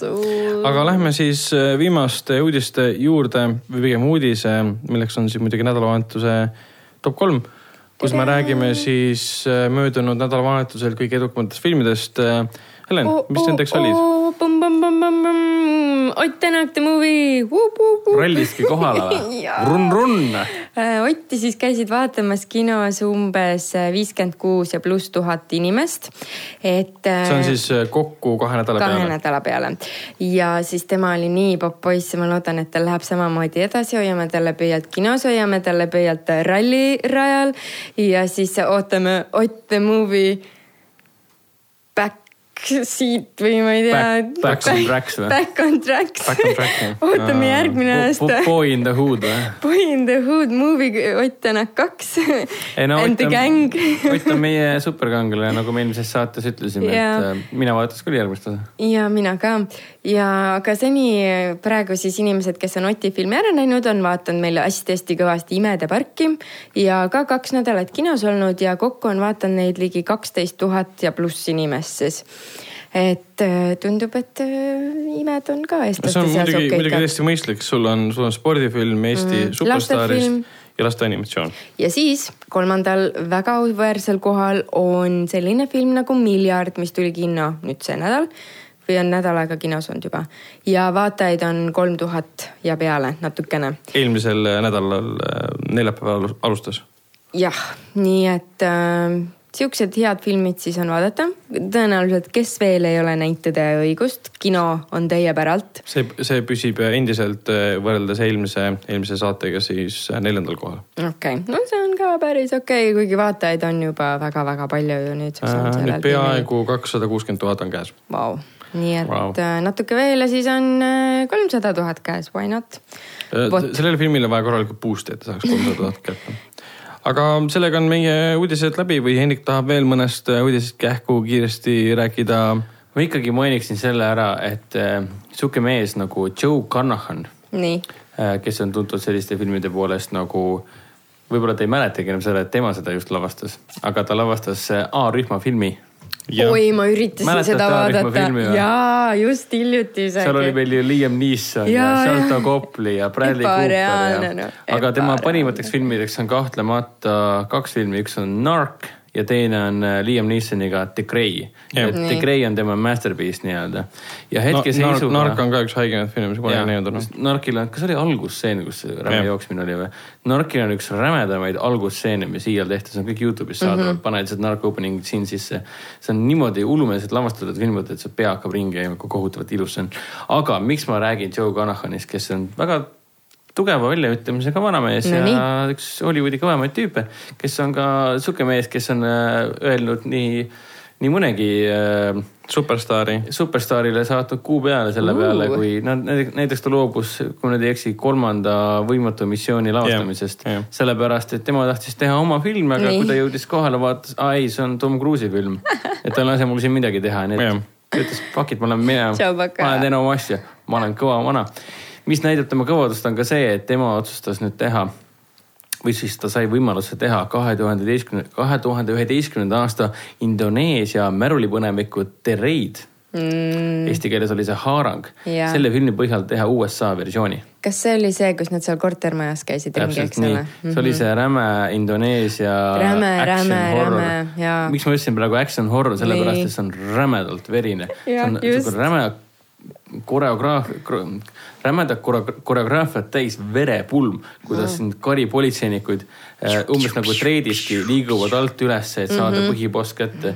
see on lihtsalt niivõrd vaimustav vaatemäng, et sa lihtsalt jäädki seda vaatama. ja nüüd me näeme siis seda ühel hetkel inglise keeles või midagi siukest? põhimõtteliselt jah, kuigi me oleme seda mingis mõttes juba näinud, selles mõttes, et isegi, isegi John Wick mingis mõttes ja, meenutab The Raidi ja Trade mm -hmm. meenutab The Raidi, et see järelkaja sellest aastast kaks tuhat üksteist on olemas, et The Raidile valmis ka järg Haarang kaks, mis jooksis jaa, seda ma mäletan jaa. Haaranud kaks kõrilõikajaid oli see ja, ja see valmis siis aastal kaks tuhat neliteist, kolm aastat hiljem. väga hea film oli taaskord. et need on võimsad filmid ja ma usaldan John Conahani, et kui keegi teeb noh. Aasia filmist uue Aasia filmi. filmist väärika ägeda filmi, siis on see just nimelt Joe Conahan. aga minu poolt on uudistega kõik, sain oma südamelt selle ära öeldud. ma võin poole sõnaga mainida ka, et Conahan vahepeal rääkis nüüd intervjuudes sellest, et ta pidi, me teame, et ta pidi lavastama Bad Boys kolme. Äh, aga ta loobus sellest rollist, nüüd selgus, miks. ta oli stsenaariumi valmis kirjutanud, millega ta oli väga-väga rahul, aga Will Smith, filmi üks peategelasi koos Martin Lawrence'iga, ei olnud sellega rahul. ja ta ei, ta on küll väga kange, väga selge otsekohese väljaütlemisega äh, režissöör ja stsenarist, aga ta absoluutselt ei süüdistanud selles ähm, Will Smithi mm.. sellepärast, et stuudio oli küll rohelise tule andnud, et võiks selle stsenaariumiga edasi minna, Will Smithile see üldse nagu ei sobinud. Äh, ja ta ütles ka, see on loogiline, sest sina oled filmistaar, sinu nimi on postil mm, -hmm. sinu mhm. nimi, nägu on postil yeah.. see on sinu tulevik, et lõpuks sa oled positsioonis, kus sa saad öelda, et ma ei taha seda lugu teha, ma tahan mõnda teist lugu teha.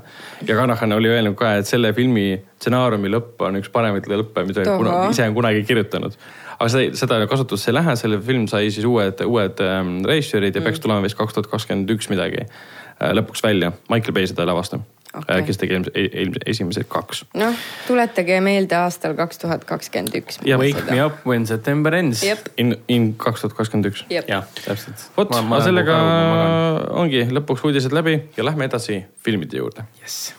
Lähme jah edasi filmidega, mis me, või seriaalidega, mis ma olen vahepeal vaadanud näiteks need, eh, mida ma olen vaadanud kodus, mitte kinos. Eh, mina ja siis Hendrik oleme vahepeal vaadanud eh, muidugi ära droonide mängu kaheksanda hooaja siis teise episoodi. ja mina arvasin, selles episoodis tuleb nüüd suur sõda Winterfelli pärast üldse kogu seitsme kuningriigi pärast, aga ei, see oli endiselt selline. mina küll seda ei arvanud. ma ei tea, miks ma seda arvasin sihuke vaiksem episood kus jällegi, kuna tõesti väga palju tegelasi pole omavahel kaheksa hooaja jooksul üldse enam kohtunud või isegi enam pikemat aega kohtunud, siis kaks esimest episoodi ongi sellised ähm, rõõmsate kokkusaamiste momentid ähm,. kelle jaoks on see intiimsem, kelle jaoks mitte, ütleme nii ja ei, minu paar senti, et siis väga tore episood, ma nimetasin seda filmi noh, episoodi ajal ma enda, enda jaoks mõtlesin selle välja, et ta nagu eepiline vaikus enne tormi mm -hmm. sõnastuses mõttes, et meil tuleb kolmas osa, kus tõenäoliselt viiskümmend protsenti tegelastest, armastatud tegelastest ära surevad. et äh, väga hästi tehtud, sihukene äh, kohati meenutas episood mulle, episoodi lõpus on üks äh, üks äge laul, mille loo autor, ma sain aru, et see on loo autor, on Florence and the Machine see on üks tore bänd, mida äh, palju armastatakse. ei, loo autor küll, aga see, see esimene salm sellest, mida ka Podrik laulab yeah,, yeah. seesama laul, see pärineb tegelikult ikkagi Martini raamatust ah,. Okay, okay. aga Benioff ja Wise siis trumimängu loojad kirjutasid siin nagu stsenaariumisse sisse sinna juurde salme, mida ei olnud raamatus okay,. nii et siis äh, muusika autor nii-öelda, selle mm -hmm. esitajaks on siis äh, Florence and the Machine. Äh, mulle see, kui see laulu osa peale hakkas, et kõik enne seda, mis väga toimus, oli ka väga lahe, aga see, mida see kohe mulle meenutas, oli äh, teise Sõrmust isanda kahe kantsi see, see, see koht, kus siis. kolmanda. ei, see oli teine. teine osa, kus Merri või Pippin, kumb neist? laulab Minest, Minest Iritis ja laulab Ministeritis. see on kolmandas osas. ei, see on teises. see on kolmandas, see on samuti see on kolmandas osas okei okay, um,, see on kõik Igatahes väga väga tahtsin jõuda selle pointini, et ta laulis seda laulu, kui Faramir äh, läks äh, äh, nii-öelda kindlasse surma, kui tema isekas isa ta saatis äh, orkide vastu võitlema ja siis äh,, kumb see laulis, ma ei mäleta uh,. Pippin, Pippin laulis, Pippin laulis. Pippin laulis seda südantlõhestavat laulu. Billy Boyd Äh, Billy Boyd laulis seda südantlõhestavat laulu ja see oli väga-väga-väga reminiscent nagu,. kusjuures see pole ainuke, ma läksin äh, kohe pärast seda episoodi, nüüd Trondheimi episoodi läksin Youtube'i, otsisin selle video üles, sõnumisin seda kolmandast osast. ja inimesed kommenteerisid selle video all, et kes tuli siia vaadates troonide mängu uut osa otse, otse pärast selle vaatamist tuli mm -hmm. siia, väga palju kommentaare vaata. et äh, kõik mõtlevad üsna samamoodi aga jah, Trondheimi episood oli väga-väga mm, liigutav ja ilus, ütleme siuksed tegelaste kaared said seal lõpuks äh, nii-öelda teatava punkti. et kui nad nüüd järgmises osas, ma ei tea, kõik lademisi nagu ära, ära surevad, siis sa nagu tead, et nad ei surnud nagu tühjade kätega või selliste mm, pooleli jäänud ähm, karakteritena. et ja. kõik oli põhjendatud ja et parast neile nagu tule. ei, parast mitte, et kohustuslik seksiseen tuli ka ära, et äh, ja kohustuslik äh, naljakas stseen ka, kus siis äh, meie armastatud äh, räme, räme suur äh, tore tegelane nimega Tormund Giantsbane rääkis väga naljaka loo mm. äh, hiiglase rinnapiimast ah.. Äh, ja, ja ma loodan väga, et ta surma ei saa, et ta saaks neid lugusid veel rääkida mm. -hmm ja okay., jah, mida see nagu seriaal nagu veel tõestab, Stephen King kusjuures ka kiitis seda äh, Twitteris, kus ta ütles, et on hämmastav, kuidas need stsenaristid suudavad niivõrd lihtsate vahenditega, niivõrd lihtsate ideedega tuua niivõrd suure koguse nagu näitlejaid ja tegelasi kokku ja lõpetada nende kaared ja nagu lood ära mm.. et, et oli nagu austusavaldus neile, vau, te okay. suutsite nii lihtsalt mingi tunni aega, isegi see osa ei kestnud tund aega, viiskümmend. viiskümmend viis minutit. jah, viiekümne nelja minutiga nii paljude tegelaste lood lõpetate ära, toote nad kokku et kuidas te üldse suudate teha nii lühikese ajaga? aga see ongi see, mida droonide mäng kõige paremini teeb ja eriti just äh, suure sõja koidikul. aga Helen on ka midagi vaadanud. uskumatu on ju. uskumatu täitsa um,. see oli siukene, ma isegi ei tea, kuidas ma selle peale sattusin, aga Netflixi tegin lahti ja vist panin tõenäoliselt silmad kinni ja siis vajutasin seda nuppu nii kaua üles-alla ja siis panin ükskord ette äh,, panin nii-öelda ok ja siis tuli ette sihukene asi wow. nagu Lunatics äh, see on äh, siis äh, Netflixi originaalsari, tegija on keegi Austraalia koomik. ja siis Chris Lilley, Lilly on tema nimi. Ja see on väga absurdne asi et äh, ta tegelikult äh, meenutas mulle natukene sihukest asja nagu Little Britain, äh, mis on hästi-hästi-hästi-hästi äge Briti sari. ja väga-väga legendaarne. ja just, aga mm, selle sarjaga nüüd on niimoodi, et ähm, kuna siin on ainult, kui Little Britannis oli kaks tegelast, oli Matt Lucas ja siis Williams, mis ta eesnimi oli siis kes portretreerisid hästi palju erinevaid karaktereid, siis Lunaticsis on ainult seesama tüüp üks tüüp, kes mängib vist kuut erinevat tegelast seal ähm,. poissi väikest, siis endist pornostaari, siis mingisugust wow. selgeltnägijat, kes suhtleb loomadega. ja tegelikult see ei ole üldse äge sari aga ma ei suutnud ka seda kinni panna, sest ma kogu aeg tahaks teada, et mis lõpus juhtub. et ma vaatasin, et ma olen päris palju ära vaadanud, seal vist oligi kokku kümme episoodi, üks hooaeg on, ta väga populaarne vist ei ole ja ta on niisugune mokumentari stiilis, ta väga-väga hästi näitleb, et ta on nagu väga hea näitleja, ta kehastab nii detailselt äh, erinevateks tegelasteks, et ma usungi, et ta on küll mees, aga mängib mingit naist ja ta on mees, ta mängib äh, poissi, ta on mees ja mängib mingit veel kolmandat tegelast. et hästi äge nagu on vaadata ja, aga selle sarja puhul on see imelik asi, et ähm, see nali, mis ta teeb, see peaks olema naljakas, et ma saan aru, et see on nali, aga mm -hmm. ma ei mhm. naera et ainuke koht, kus ma siis vist eile õhtul enne ma magama minekut vaatasin ja siis ta, seal oli mingi, ta mängib ühte paksu poissi, tiinekat, mingit, ma ei teagi, kolmeteistaastast. ja siis tema sõber jäi maja taga mutta kinni täiesti ebareaalne, et maja taga ei ole mingit, a la see pidi olema see quicksand või noh, see liiv, kus sa vajud sisse. ja siis ta vajus sisse sinna, see sõber ja siis see peategelane Äh, võttis ühe mingi suure sea, pani sea endale mingi käru ette ja siis hakkas nagu ise oli seal käru peal ja siis hakkas seda sida, siga nagu hobust nagu niimoodi ussitama, et nii, tõmba nüüd välja, et see oli ainuke asi, kus ma nagu naersin, et issand kui loll nagu aga üldjoontes see olnud väga naljakas, aga ma ikkagi ei suuda lõpetada selle vaatamist ja noh, mul, mul on mõned episoodid veel põhimõtteliselt nagu jah. see on väga põnev, huvitav kombo, ma saan aru, et äh, ta sulle ei meeldi, aga sa ei suuda lõpetada yeah. vaatamist. tähendab, sa ei naera nende naljade yeah. peale, mida yeah. seriaali tegijad eeldavad yeah., et sa naerad. jah, aga ta ei ole nagu ka häiriv, et, ähm, et, et, et, et mul oleks sihuke tunne, et ma pean ta nüüd kohe-kohe kinni panema. et ta on kuidagi siukene mellow, inglise keeles on siukene asi nagu mellow ehk siis siukene. rahulik. jah, täpselt. et, et mm, niisugune asi, et mõnes mõttes ma nagu soovitan seda vaadata, aga see huumor kindlasti ei sobi kõigele, et võib-olla teie, ma ei tea, ma ei kujuta ette, kas te vaataksite seda, aga, aga see on uh, pretty much this is it nagu mm. -hmm mina olen lisaks droonide mängu fännamisele vaadanud üle pika aja uuesti ka, tegelikult see polegi nii pikk aeg, Rick and Mortit. aamen mm.. see on Netflixis olemas kõik kolm hooaega, neljas hooaeg peaks ka nüüd ma arvan, et suvel tuleme äkki. ma nagu mäletan ka, et ma justkui ootasin ja siis ma mõtlesin, et see ongi Netflixis ja siis ma hakkasin ka seda mingi aeg vaatama, aga siis ma vaatasin, et aa, ma olen näinud neid ja mm -hmm. siis mhm. ma olingi segaduses.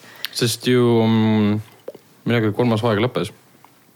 ei tea, seal on kõik nii virvarr. Isa läks ära vist igastahes. ei, ei, ja, ja, ei, ei. kolmas hooaeg lõppes sellega, et nad ütlesid lahti Rikkist endast. aa, niipidi oli hoopis äh,. jah aga see, ta oli, läks presidendiga nagu raksu, vaata mm.. ja siis perekond põgenes tema juurest ära, kuna Bett ehk siis tema tütar arvas, et ta on kloon, aga siis äh, isa ei ütle talle seda, kas ta on kloon või mitte. ja kõik hakkasid põhimõtteliselt Rikist nagu viljand saama ja põgenesid tema eest mm -hmm. ära, aga siis ta nagu valetas presidendile, et ma olen üks teine Rick sellest äh, paralleeluniversumist, et see üks Rick läks minema ja siis ta pani endale kalastuskostüümi selga, et I m fishing Rick ah,. Okay. teises universumis, kus ma tegelen kalandusega mm,. muidugi, okei okay.. ja ma mäletan viimase eelmist ikkagi nad olid kuidagi koos, aga nad leppisid kokku, et Rick kuidagi lahkub, ma täpselt ei mäleta. igatahes ma olen nagu suvaliselt episoodi vaadanud mm., kuna mõni episood on nii nagu pähe nagu kulunud ja, ja keevitatud, et ei suuda uuesti enam vaadata. aga need episoodid, mis ähm, pealkirja või selle Netflixi pildikese järgi tunduvad nagu, et ma ei mäleta. endiselt suurepärane seriaal, see on nagu mm. nagu nii, nii hea, lihtsalt see on absurdi huumor ähm, selle kõige paremas nagu võtmes mulle käib ilgelt pinda see selle sarja juures, et nad kogu aeg nagu räuskavad või karjuvad. et see on. mulle just meeldib see. okei okay,, no vot, see on nagu esimene põh-, üks põhjus nagu, miks ma alguses üldse ei suutnud seda vaadata. aga siis üks hetk oli see, kus mul olid absoluutselt kõik sarjad vaadatud, ma ei tea, kuidas see võimalik isegi oli. ja, ja siis ma panin selle lõpuks tööle ja siis mulle hakkas hullult meeldima, aga noh, ongi see, et kui nad seal räuskavad kogu aeg, siis see nagu hakkab pinda käima ikka ühel hetkel. aga muidu on küll jaa, päris naljakas. aga see räuskamine tulebki sellest, et see Justin Roiland ja siis äh, Dan Harmon, kes on selle loojad. Nad ju istuvad ähm, selles soundboot'is ja põhimõtteliselt omavahelgi räuskavadki, improviseerivad kõik need kohad, kus see Rick rõgiseb ja kus siis Morty teeb oma. ei suuda nagu lauset või sõna välja öelda see kõik nende enda nagu sihukese eh, ideede ja lausete põrk, põrkamise teel sündinud. teemad ja konfliktid on eh, kõik nagu nende enda, enda no, ühisest või kellegi no. teise elust pärit. Dan, Dan Harmon. see kõik on väga nagu päris nii-öelda. terve elu vist mingi oma loomingulise elu olnud mingi sügavas depressioonis ja siis, kui esimest kahte hooga vaatas, siis iga osa lõpus on pilt nagu logo, kus ta on koos oma naisega, vaatab seda issand, ma ei mäletagi. diivanil telekat. Äh, vaatab telekat diivanil yeah. ja kolmandas hooajas ta on üksi seal ja alkoholipudel on käes, sest okay. läks naisest lahku. issand, ma ei mäletagi. ja veits sa tunned, kuidas need asjad nagu peegelduvad ähm, Dan Harmoni järelus toimuma peegeldub mm. siis seal ka okay.. et kui Harmoni enda neid ähm, siukseid lavaesinemisi vaadata erinevatel mingitel sündmustel, mis, mis iganes. siis ta arutab seal ka väga absurdsete teemade üle, et tihtipeale võtab ette mingisugused kommentaarid, kus inimesed äh, on teda maha teinud, siis arutab nende üle umbes niimoodi, et aga ei, minu arust see on, kuidas nüüd öelda, sihuke värskendav seriaal okay. ta nagu riktab väga hästi selgeks selle, et mitte miski ei tähenda mitte midagi. me oleme tühised mutrid mm. multiversumis, kõik, mis me oleme teinud on mõttetu. on juba juhtunud ja, ja okay. mõttetu juhtub kogu aeg uuesti mm,. Okay. et rahuneme maha ja lähme vaatame telekat. jah, et see ongi see, see ongi see nii-öelda moraal või sõnum. Mordi moto põhimõtteliselt. aga ma praegu kähku vaatan, millal see neljas äh, hooaeg peaks nüüd tulema. kas selle kohta on mingit infot vahepeal olnud mm,? ei ole vist praegu. ma ei tea, milles asi on, kas äh, nad ei saa lihtsalt ähm, valmis asja või tutvusfilm ei tunne asja vastu huvi või ma ei kujuta ette. aga igatahes soovitan vaadata, Netflix pakub seda kõike. ja olen vaadanud ka seda mm, Netflixi dok dokumentaalfilmi, see dok dokumentaalseriaali Our Planet. ohoo, mis osa sa vaatasid, seal on neid hästi palju erinevaid minu arust. ma ei teagi, kaugel ma praegu olen et kas see oli mingi... loomadest või metsadest või? viimane oli ookeanielukad mm,. okei okay. aga iga osa mingi nelikümmend viis minutit või mm -hmm, midagi laadset mm -hmm. ja vahepeal vaatasin hästi palju järjest ja vaatasin vist mingi seitse või kaheksa osa järjest põhimõtteliselt ja hästi huvitav hästi põnev on. on hästi mõnus, just need kohad ise näha, okei okay,, telekast on ju, aga mis kohad maailmas olemas on, et see ja, on nii ja. vägev. et noh, ma ei kujuta ette, osadesse kohtadesse ma ei julgeks mitte mingil juhul minna ja osadesse nagu sa ei saagi niisama, sa pead mingi mega vaeva nägema, et sinna üldse jõuda kuskile mm ja see Ellis Island oli ka minu arust kuskil äh, seal äh, olemas. ja mm, Ellis Island on see üks kauge-kauge koht seal Austraalia ja Uus-Meremaa kandis, kus, ähm, kus need suured kivikujud on äh, künga, üks saar, mis on tühi, kus on ainult suured kivikujud mm. -hmm. ja ma mäletan, et midagi seal dokis nagu noh, selles samas sarjas. selle saare nimi oli? Ellis Islands Islands, okei okay.. et, et, et, et kuidas need kujud sinna said ja et kunagi oli seal saarel mitte tühjus, vaid suur lokkav loodus loomade, lindude, asjadega. aga inimesed hävitasid kõik ära. ja see ongi selle nagu iga episoodi selline, ütleme osa, kuhu ta nagu mm, -hmm. mida ta üritab nagu välja tuua, ongi see, et me küll kiidame ja kirjeldame loodust ja loomi ja, ja putukaid ja kõike seda ökosüsteemi aga iga episoodi lõpus see Richard Attenborough, vaimustav hääl alati, alati onugi, äh, toob siis välja, noh, tema ise ei too välja, ta loob peale lihtsalt et äh, need asjad on kõik, mis me näeme, on kaunid, on ühel hetkel kadumas. ja, ja ma mäletan, oli üks sihukene episood ka, kus äh, mingid teadlased või kunagi noh, Inglismaal vaata käisid kõik mingisuguseid retkesid tegema, tegemas ja siis üks teadlane oli oma kassi kaasa toonud ja üksainuke kass hävitas terve selle saare mingi linnu linnuliigi ära ja võib-olla isegi rohkem, sellepärast et need linnud olid äh, lennuvõimetud ja see kass lihtsalt käis ja sõi Aa, neid. midagi ma olen sellest ka kuulnud ja sellest, ma ei tea, kas sellest dokumentaalseeriast sellest juttu on või no, mitte. igastahes kuskil mina nendest äh, Planeti või BBC Earth või mingit nendest asjadest ma seda nägin.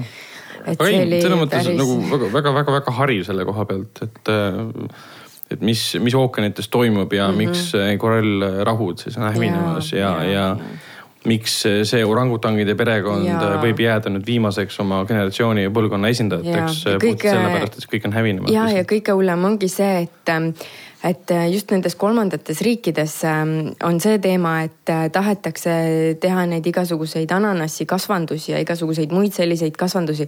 aga selle arvelt äh, võetakse maha puud ja võetakse maha orangutangide eluasemed ja kohad. ja see ongi hästi kurb ja, ja rõve ja vastik, et, et lihtsalt mingisugune meeletu masstootmine, masstarbimine, mille pärast siis seda loodust hävitatakse ja seal nad ei mõtle üldse selle peale ka, et nagu mis saab või kuhu loom loomad peaksid minema. Mm.. et neil on nagu see, et okei okay,, meil keegi tahab hullult ananasse tellida, davai, paneme putka püsti. ja siis hävitatakse meeletutes hektarites maad ja nagu ei vaadata üldse nagu, mis sellest maast saab või, või noh, see on nii hull. Mm. Aga noh, selles mõttes ta mängibki selle kahe nagu tasandiga, et üks ja. on see, et nagu üritame loodust päästa ja siis rahvale seda teadvustada mm., iga episoodi lõpus on see nii-öelda mm, veebilehekülg ka, kuhu saab minna, et toetada. Okay ja teiselt poolt on nagu harjumuspärane ETV-l nähtav mm -hmm. dokumentaal, kus sa näed mingit kahtlast röövikut kuskil mm -hmm. Amazonas põhjakihis ringi jalutamas ja see, kuidas ta putukate suunas siis või prussakate või mis iganes mm -hmm. putukate suunas siis oma näärmetest mingit liimilaadset asja viskab, nende juurde läheb ja sisikonna seest välja imeb. ja, ja see, kuidas see Cordycepsi nimeline, mitte sammal, aga see on see.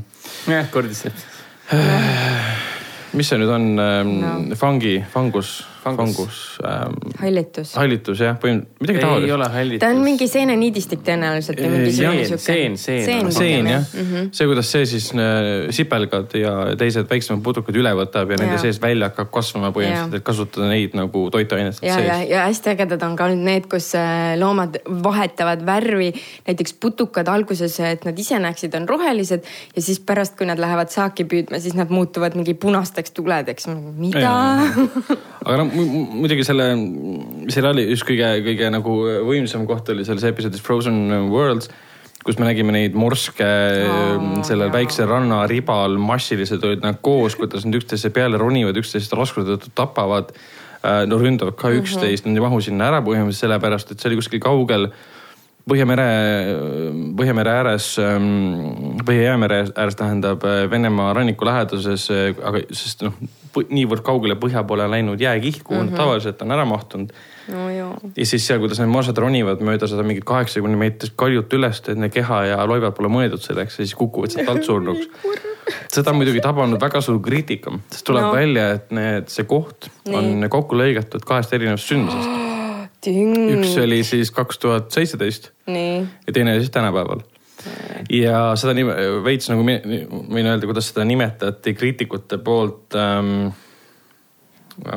midagi laadset, mingi environmentalist porn või midagi laadset, et meelega okay., meelega seda kujutada asja traagilisemalt mm, -hmm, kui ta mhm, tegelikult mm -hmm, on mm. -hmm. Uh, küll erinevad teadlased ütlevad, et noh, nii ongi tegelikult, et nad ronivad sinna ja surevad mm -hmm. ja siis väga palju hakatakse kritiseerima, et aga äkki teie kohal oleks seal see, et te droonidega ringi põrutate, selle filmisite agiteerisite neid morske, kes hakkasid mhm. üksteisele otse ronima, hakkasid mäe otsa ronima, morskesid täpselt aga, aga see on nagu vaidluse küsimus, et ühelt poolt on see, et kuidas te asju kujutate, et saada dramaat-, noh, dramaatilist sellist mm -hmm. nagu põntsu sealt kätte. teiselt poolt no. see asi ikkagi vastab tõele, vahet pole, et meile on mingil määral valetatud yeah aga tegelikult see vastab tõele, et nad sinna ronivad. no see on ka ühelt poolt filmmaking, et, et no, eks sa peadki nagu tähelepanu millegagi äratama ja mingitele küsimustele natukene rohkem no, tähelepanu. tuletab meelde seda mingi eelmise aasta lõpupoole oli see väike juhtum ka, mingi klipp sai hästi populaarseks internetis sellest, kuidas väike karupoeg püüab jää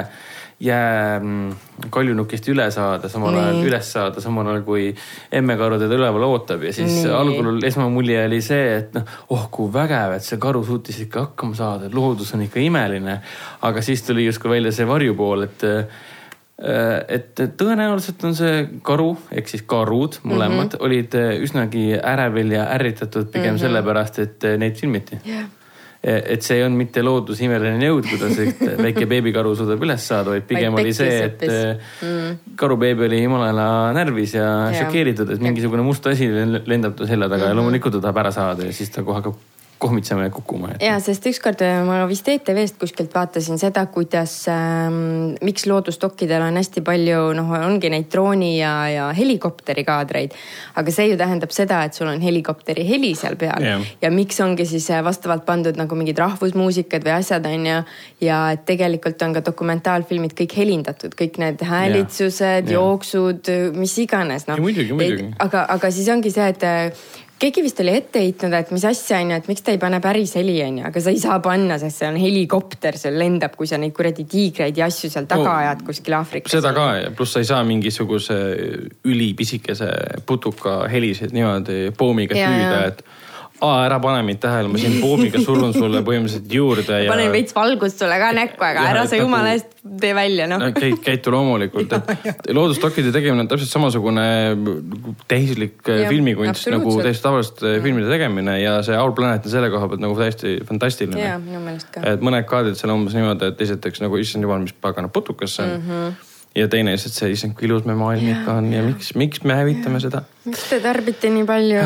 vot, ma mainin kähku otsa, et Rick and Morty eelmise aasta mm, mais neil telliti juurde, mm, Adult Swim tellis siis seitsekümmend episoodi juurde. issand, kui palju, see on mitu hooaega ju. täpselt, sest neil oli ju teise ja kolmanda hooaja vahel oli peaaegu, et pea, vist peaaegu et kaks aastat.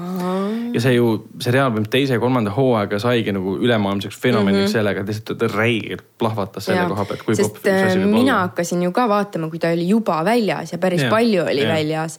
ja siis ma vaatasin, ah kurat, on ju päris äge no vot ja, ja Roiland ja siis ähm, Härman ütles ka, et äh, on, on nagu vihanud, et tõenäoliselt selle aasta suvel kuskil peaks tulema. Okay vot, aga mainime siis ära, et eelmisel nädalal alustasid äh, Eesti kinodes eelkõige, eelkõige ähm, ta, tahtsin öelda, et eelkõige nagu teatud žanri filmidega ma praegu vaatasin, on väga erinevad filmid seitse, seitse väga erinevat seitse filmi. erinevat filmi, et üks neist on siis La La Rona Needus äh,. Äh, stopp, stopp, see on La Rajona. vabandust, La Rajona. nagu, nagu rajoon, aga Rajona. L-tähem, kaks L-i vist on J La Jaro-, Llorona. üks seitsmest filmist on see film, mida ja. Helen just ütles, on õudusfilm äh, äh, kurjakutsumise ehk siis Conjuringi universumis. siis algas veel ähm, Kolm sammu sinuni, millest me ka saate alguses rääkisime. siis tuli ka Stockholm, mis räägib Stockholmi sündroomi sünniloo siis tuli ka vene film Miljard, millest me alguses ka rääkisime mm -hmm. ja siis tuli ähm, Sean Penni ja siis äh, Mel Gibsoni ähm, draama Geenius ja hullumeelne siis tuli Vintis vanemad, kus on siis Diane Keaton ja. ei, ei, Alec Baldwin ja Salma Hayek. Salma Hayek, õigus jah. ja siis eh, väike, väike Preili Doolittle. Need on seitse filmi tuli eelmisel kinodesse ja, ja me, me saame, saame neist, neist rääkida ainult siis nagu kolmest. kolm ja kolm pluss. jah, kolm pluss ehk siis ähm, La Ragiona Needuses ja siis Kolm sammu sinuni ja Stockholm pluss Briani elu, mis ühe korra ainult siis linastus yeah. eelmisel, eelmisel nädalal. aga alustaks kohe äh, Briani elust, et äh, mina nägin seda filmi esimest korda, seda Monty Pythoni seltskonna loodud filmi. häbi. Äh, ma olin küll seda lõpulaulu Always look on the bright side of life igas kontekstis kuulnud ja ma olen näinud Monty Pythoni teisi filmi Meaning of Life'i siis um,. Holy Grail tõenäoliselt. Holy Grail'i olen muidugi näinud, Netflixis ka olemas, aga see oli vahele jäänud kuidagi ja ma olin nagu arvanud, et see film räägib Jeesusest, aga ei, see räägib Brianist see räägib muidugi Brianist, kellel on väga mm, põnev elu, kes kogeb väga suuri seiklusi ja keda kummardatakse lausa nagu Jeesus Kristust. ja võib öelda, et tema lugu on palju andke mulle andeks minu patud, aga tema lugu on palju põnevam kui kõik see Jeesuse lugu, mida me oleme sünnist saati kuulnud. no Jeesus on äh, filmis olemas, aga mulle meeldib see, et teda näidatakse korra ja siis kaamera läheb Briani peale. Nope, nope, see ei ole see film. Briani suhet äh, tema emaga, kes ja. ei ole tegelikult isegi naine. ja see puutub üldse asjasse, sest see Monty Pythoni film ja see on mm. niivõrd andekas, naljakas, see on niivõrd ajast ees selle koha pealt, mis äh, probleeme, mis tänapäeval on väga mm. põletavad igas kontekstis, igas vestluses välja tuuakse. juba siis, nelikümmend aastat tagasi toodi välja. ja naljakas, et see film oli nagu ju väga keelatud ja. ja bänniti ära igal pool. ja, ja siis ma ei mäletagi, mis aastal teda uuesti siis lubati jälle olemas olla. see aga... oli need erinevad ähm, kohad, kus ta oli mm., äh, selles mõttes linnad, ma ei tea, kas terved riigid teda keelasid või no, midagi. Suurbritannias, Suurbritannias keelati ette-taha aa, oli jah, okei okay,, okei okay.. sest seal oli ju religioon, religioonivastasust oli nii-öelda palju, siis oli alastust sellel ja. ajal ju, siis ei olnud dissid ja muud asjad kogu aeg paljad, et. ja, ja siin olid. ja siis oli seal, mis seal veel oli, no see, see oli, mis mulle. vulgaarsused, religiooni üle nalja tegemine, Kristuse üle nalja tegemine. mõnitamine, iroonia.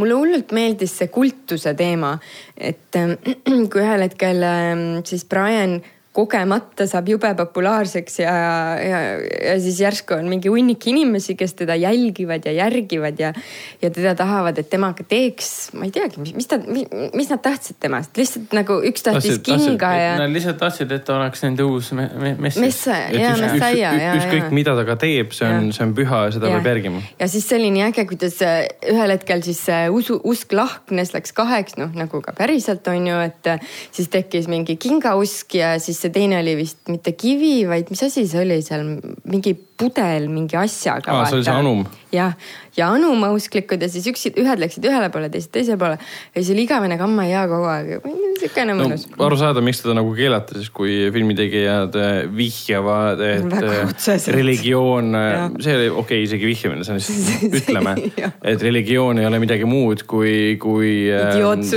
kui masside, masside väljamõeldud, siis muidugi. pime, pime usk. pime usk, just täpselt. aga see ei muuda. sa ei tea ise ka, mida sa tegelikult järgid no,. aga lähed massiga aga ei, no Monty Python on geniaalne, et noh, seal filmi režissööriks oli Terry, Terry Jones ja see on geniaalne, kuivõrd lühidalt suudeti kokku võtta selline tore asi nagu religioon ja Jeesus ja äh, religiooni Kultus. areng läbi aastate, kultuslikkus mm -hmm. ja mhm. kõik see, et no ütleme nii, kui sa, kui sa tahad nagu crash course'i sellest, et mis on religioon, siis see film on perfektne näide sellest no,.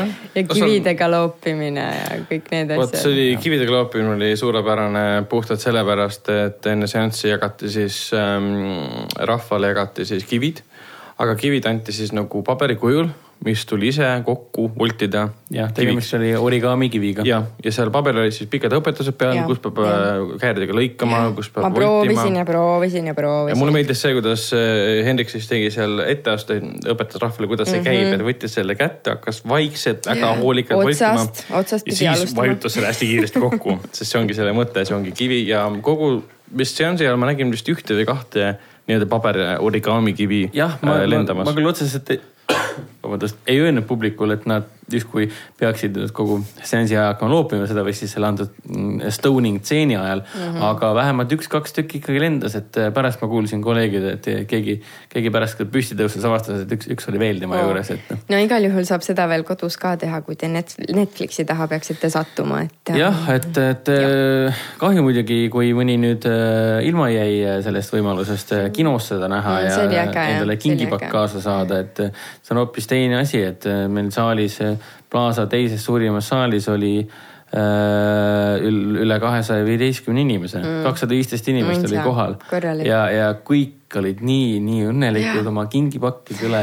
väga hea publik oli. publik naeris kaasa, elas kaasa ja oli tõesti-hästi mõnus. et ja. see on nii õige publik oli seda mm. suurt reedet vastu ja, võtta. jah, täpselt nii. vot, aga mis ei olnud enam nii naljakas, oli La Llorona ja, ja. Oh, ei, seal oli ka kolm nalja.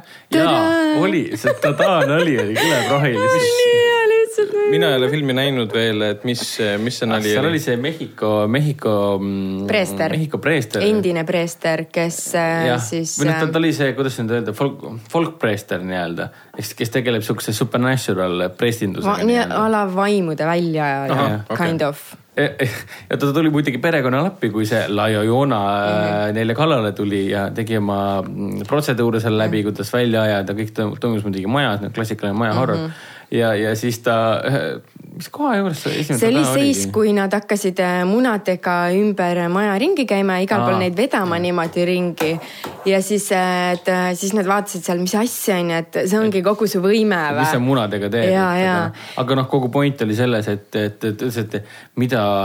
mida verisem või mustem. On, on muna mm, -hmm. seda suurem kurjus on majas. siis ta lõi järjest need katki, ühe lõi katki. ta pani kaussi. jah pani metallkaussi ja siis tuli sealt siukene paks jama. paks ei. must veri tuli nagu voolas nagu, välja. nagu noh, hape. siis järsku nad hakkasid äh, munad, ülejäänud munad laua peal hakkasid siis äh, hästi kiiresti keerlema. niimoodi -hmm. värisema hästi. kuni nad plahvatasid kõigile näkku, eriti just peategelasele, keda käestas Linda Cardellini, kõik läks must näkku yeah.. ja siis Mehhiko preester jäi korra seisma, vaatas tadaa see oli nii hea. eks jumala tõsine tseen ja siis noh, enne muidugi alustati juba tegelikult naljaga, et nagu mis mõttes munad ja nii edasi. ta, ta, ta tegi seda tadaad filmi lõpus veel korra ja selle ja. peale ka publik nagu prahvatas naerma lihtsalt täiesti. et seal oli siukseid helgeid hetki ja. aga need olid ka. kas see muna koht on nagu referents ähm, tondipuidetele või? Mm. sest esimeses, esimeses tondipuidetes äh, oli ka Kõuser oli vist seal ähm, külmkapis ja enne kui ta välja tuli Sigourney Weaveri. või mis ta oli, Zool või? Zool just äh,, Sigourney Weaveri sellest, äh, sellest ähm, külmkapist välja tuli, hakkasid seal külmkapis või laua peal, tähendab kapi peal hakkasid munad lõhki minema. ma arvan, et see oli puhtalt sellepärast, sest munad on pühad jaa ah,, okay. kindlasti. film tuli eelmine nädal reedel välja. see oli spetsiaalselt meie jaoks. suurel reedel tuli film välja. aga on, on, on ta siis nagu? Need olid need helged hetked. Conjuring universumi nagu e-, ehe näide, et milline see film olla võiks, oli ta nagu hea õudusfilm? mina, mina mõtlen, noh, mina üritasin nagu vaadata teda lihtsalt filmina, et ma nagu väga ei tahtnud mõelda või paigutada teda kuskile mm. -hmm. et millise tunde, mulje ja nagu olustikku ta jätab, kui ta oleks ainult see film mm. -hmm. et kui mida, oleks. mida ta õnneks ongi, sest ta ei ja, ole, need ja. filmid üldjuhul õnneks ei ole omavahel mingid Marveli. seal oli, ma ei tea, kas see on nüüd spoiler või mitte, aga see vihje oli seal olemas üks vaata on ju, mingi flashback'i ja, ja. kusjuures ja, ja. see oli päris huvitav koht. publiku seast oli kosta äh, sihukest mingit mis mm. asja? sihukest nagu- reaktsiooni. ja nagu tunti ära ikkagi. publik, publik, ma just mõtlen seda, et publik minu meelest, osa sellest publikust ei saanudki aru Aa. ennem seda stseeni, kui mainiti Annabelli, et Aa. oota, mida, see kuulub kurjakutsumise universumisse. ja, ja, seda on, seda on reklaamitud osana sellena, aga ma saan aru, miks inimesed ei saa aru sellest. minu meelest Warner Brothers ei ole kordagi filmi reklaaminud ei, The New Chapter of the Conjuring Universe. ja, jah, sellisel kujul, jah, kindlasti mitte. aga seal ongi sõna otseses mõttes välja toodud äh, mingi kindel vihje. see oligi kõik ah,, see kõik, mingi, see oli lihtsalt ühe osana seal ja ega seal mingit eriti kandvat äh, seda ei olnud, et oligi kogu see müüt, et on mingi nutev naine ja kui sa mm -hmm. temaga kohtud, siis on pekkis ja siis sa pead leidma võimaluse, kuidas tema käest pääseda või sa saad surma, noh nagu ikka, on ju. et selles suhtes, midagi väga originaalset ei olnud, et me mõtlesime seda, et noh, ma ei tea, kas keegi seda nägi, ma ei mäleta, kas sina, Ragnar, nägid seda, aga see auk maa sees, et noh, et see ja, kuidagi. käisime koos vaatamas. aa, okei wow. juba peast läinud, et, et see noh, need, need filmid nagu kuidagi on hästi sarnased, et, et kui sa nagu tead, et nagu midagi läheb pekki, on ju, et noh võta kätte ja mine ära lihtsalt kuskile no. ja nemad ei tee seda, no sest see on nende kodu ja kõik ja. see, et miks sa peaksid maha jätma selle, isegi kui siin on mingi iidne kurjus sees mm et no, äh, noh. meelelahutusliku hirmutajana nädalavahetuse õhtusse on ta väga korralik õudusfilm selles ja, mõttes. meie, meie, kes meil kaasas käis, üks neiudest minu arust väga hakkas seal kartma. filmi esimeses mm. pooles oli teda huvitavam jälgida kui filmi ennast, sest noh, meie kui vanad kalad õudusfilmide vaatajad, noh, meie, meid, meie jaoks see väga erutav ju olnud noh, tore oli vaadata seda helidisaini, mismoodi publikut. Äh, no ikka sihuke jump scare. kuidas see on loodud, et kuidas mm -hmm. publikut ehmatada. ja, et mida sa kartma peaksid, et see oli nagu noh, seda oli nagu teada. selgelt välja toodud. pluss plus see petuskeem, et on mingi lihtsad asjad, need uks läheb lahti või siis mida tegelane ise teeb midagi, siis sa võpatad selle valju heli mhm, peale mm -hmm, reaalselt mm. -hmm. ja siis seda meie kaaslast oli huvitav jälgida, sest ta mingi vaatab reaalselt nii hirmus no.. aga ei noh, kommertsliku siukse publiku rahuldajana või noh päris okei okay. Crowdpleaser'ina ehk siis publiku mm -hmm. rahuldajana. parem ma lihtsalt puusalt praegu panen kommertsliku publiku rahuldajana on ta väga okay. tore film ses mm -hmm. suhtes, aga, aga nõudlikumale õudusfilmi sõbrale film on kahjuks äh, noh, lahja. ja et midagi sügavat seal ei ole ei. ja ei ole ka seda, et me nüüd hullult puurime sellesse teemasse ja hakkame andma vihjeid ja siis hakkame neid lahendama või et sa mm -hmm. tead, et, et kuidas selle vastu võidelda või noh. See oli nagu hästi siukene lihtne ja, ja tavaline, täiesti tavaline nagu. aga siis, kuna seesama reisija, kes selle filmi tegi, teeb nüüd kurjakutsumise kolmandat osa, mis eelmisel aastal linastub, kas võib nüüd. et kas see siis. ohutunne mind vallata selle koha peal? ma ei tea, ma ei oska mm.. no selles suhtes, et pigem tekitab see sellise tunde, et nüüd, kui James Van on justkui eemaldunud ja tegeleb Aquamaniga ja kõige muuga, siis hetkel pigem jääb tunne, et noh, Van kui kahe suurepärase kurjakutsumise režissöör, mis need tõesti taaskord väga traditsioonilise looga mm. filmid, aga mm kuratlikult hästi töötasid. siiamaani selle universumi parimad filmid siiamaani. täpselt ja põhifilmid on jäänud parimateks, et äh, nende nunnaga ja siis selle La La Lahe Joonaga on täpselt sama lugu, et sihuke tunne, et see James Vanni nimi on lihtsalt pandud äh, tiitlitesse yeah.. et mm -hmm. tema, tema seda haaret ei ole üldse tunda. mingit jah, output'i või input'i ei ole. aga mis mulle meelde tuli, oli see Conjuring'u see, kes see prototüüp äh, naine oli see õigus. tema suri ära ju üheksakümne kolme aastaselt nüüd, ma ei tea, see nädal või eelmine nädal. ma lugesin ka seda uudist ähm,. aga no üheksakümmend kolm on päris okei okay, nagu selles suhtes. Warren oli ta perekonnanimi. nojah et ähm,. issand, Helen, Eleanor Warren äkki? Jah, ta on surinud ära jah mm., ja neil on see päris see muuseum nii-öelda ah,. kodumuuseum on olemas, mis filmides ka läbi käinud. Lorraine Warren. Lorraine Warren jah. keda siis filmides kajastab. tema abikaasa oli juba ammu äh, lahkunud meie hulgast nii et jah, niisugune põnev elamus on see mm. õudus, aga. noh, muidu on väga põnev, et nagu mm -hmm. päriselus äh, elanud inimeste, nende tegemiste põhjal on loodud selline mm -hmm. fiktsionaalne mm, -hmm. fiktiivne õudusuniversum iseenesest mm, -hmm. aga aga noh, nüüd, kui pärast Laia Joonat on ka selline, päris, päris hästi tuleb välja, Laia Joonat muidu ma ütlesin kogu aeg la la lona. la la la la la lona, aga nüüd on nagu see tunne, et noh ei ole enam seda ootus, ootusärevust, muidu see, mulle see universumi idee nagu väga meeldib, kurja kutsumise õudusuniversum. filmi pealkiri on ka nagu piisavalt mm -hmm. üldine, et The Conjuring Movie Universe. kas, kas muidu filmis äh, räägitakse sellest taustast ka või? Mis taustast? kus see nuttu naine nagu pärines või? no selles asi ongi, et see ei ole huvitav. see, see on minu arust, äh, Google ütleb ka sulle ära selle, mis no, see on. seda midagi veits guugeldasin äh, enne ja vaatasin ja jah, et on jah mingi. ongi kõik. jah, ongi. ta ei, ei, ei olnud nagu päriselt juhtunud sündmusel, pigem mingi legend. no see on ei, täpselt on... samamoodi nagu noh, a la Kalevipoeg või Linda või Siilike. ja, ei see on vana no. Lõuna-Ameerika legend. aga see legend ise, ma lugesin selle kohta, isegi see polnud nagu väga huvitav, et naine avastab, et tema mees petab teda ja, ja selle peale uputab, uputab ära omaenda lapsed. aga see oli kättemaksu nimel. üks, üks põgeneb ära, siis läheb, tapab ta ära ja siis temast saab nutuv naine. oota, kas see oli Vikis ka niimoodi kirjas või? ma ei lugenud seda Vikis, see oli mis, mingi teine leht, mis avas seda tausta. aa, filmis oli ka niimoodi, jah? see oli täpselt nagu filmis kas meil nüüd tuli hoopis teine podcast või? valame välja. mis juhtus just, oota, ma tahaks ka midagi head kuulge, rahunege nüüd maha. ühesõnaga sellest filmist me vist rohkem ei viitsi rääkida, et. jah, et äh, loodame, tulevik on helgem. Äh, soovitate seda vaadata või mitte? õudusfilmi sõbrale ikka, muidugi. ses suhtes ta on efektne, kvaliteetne kommertsõudukas sobib, sobib väga hästi.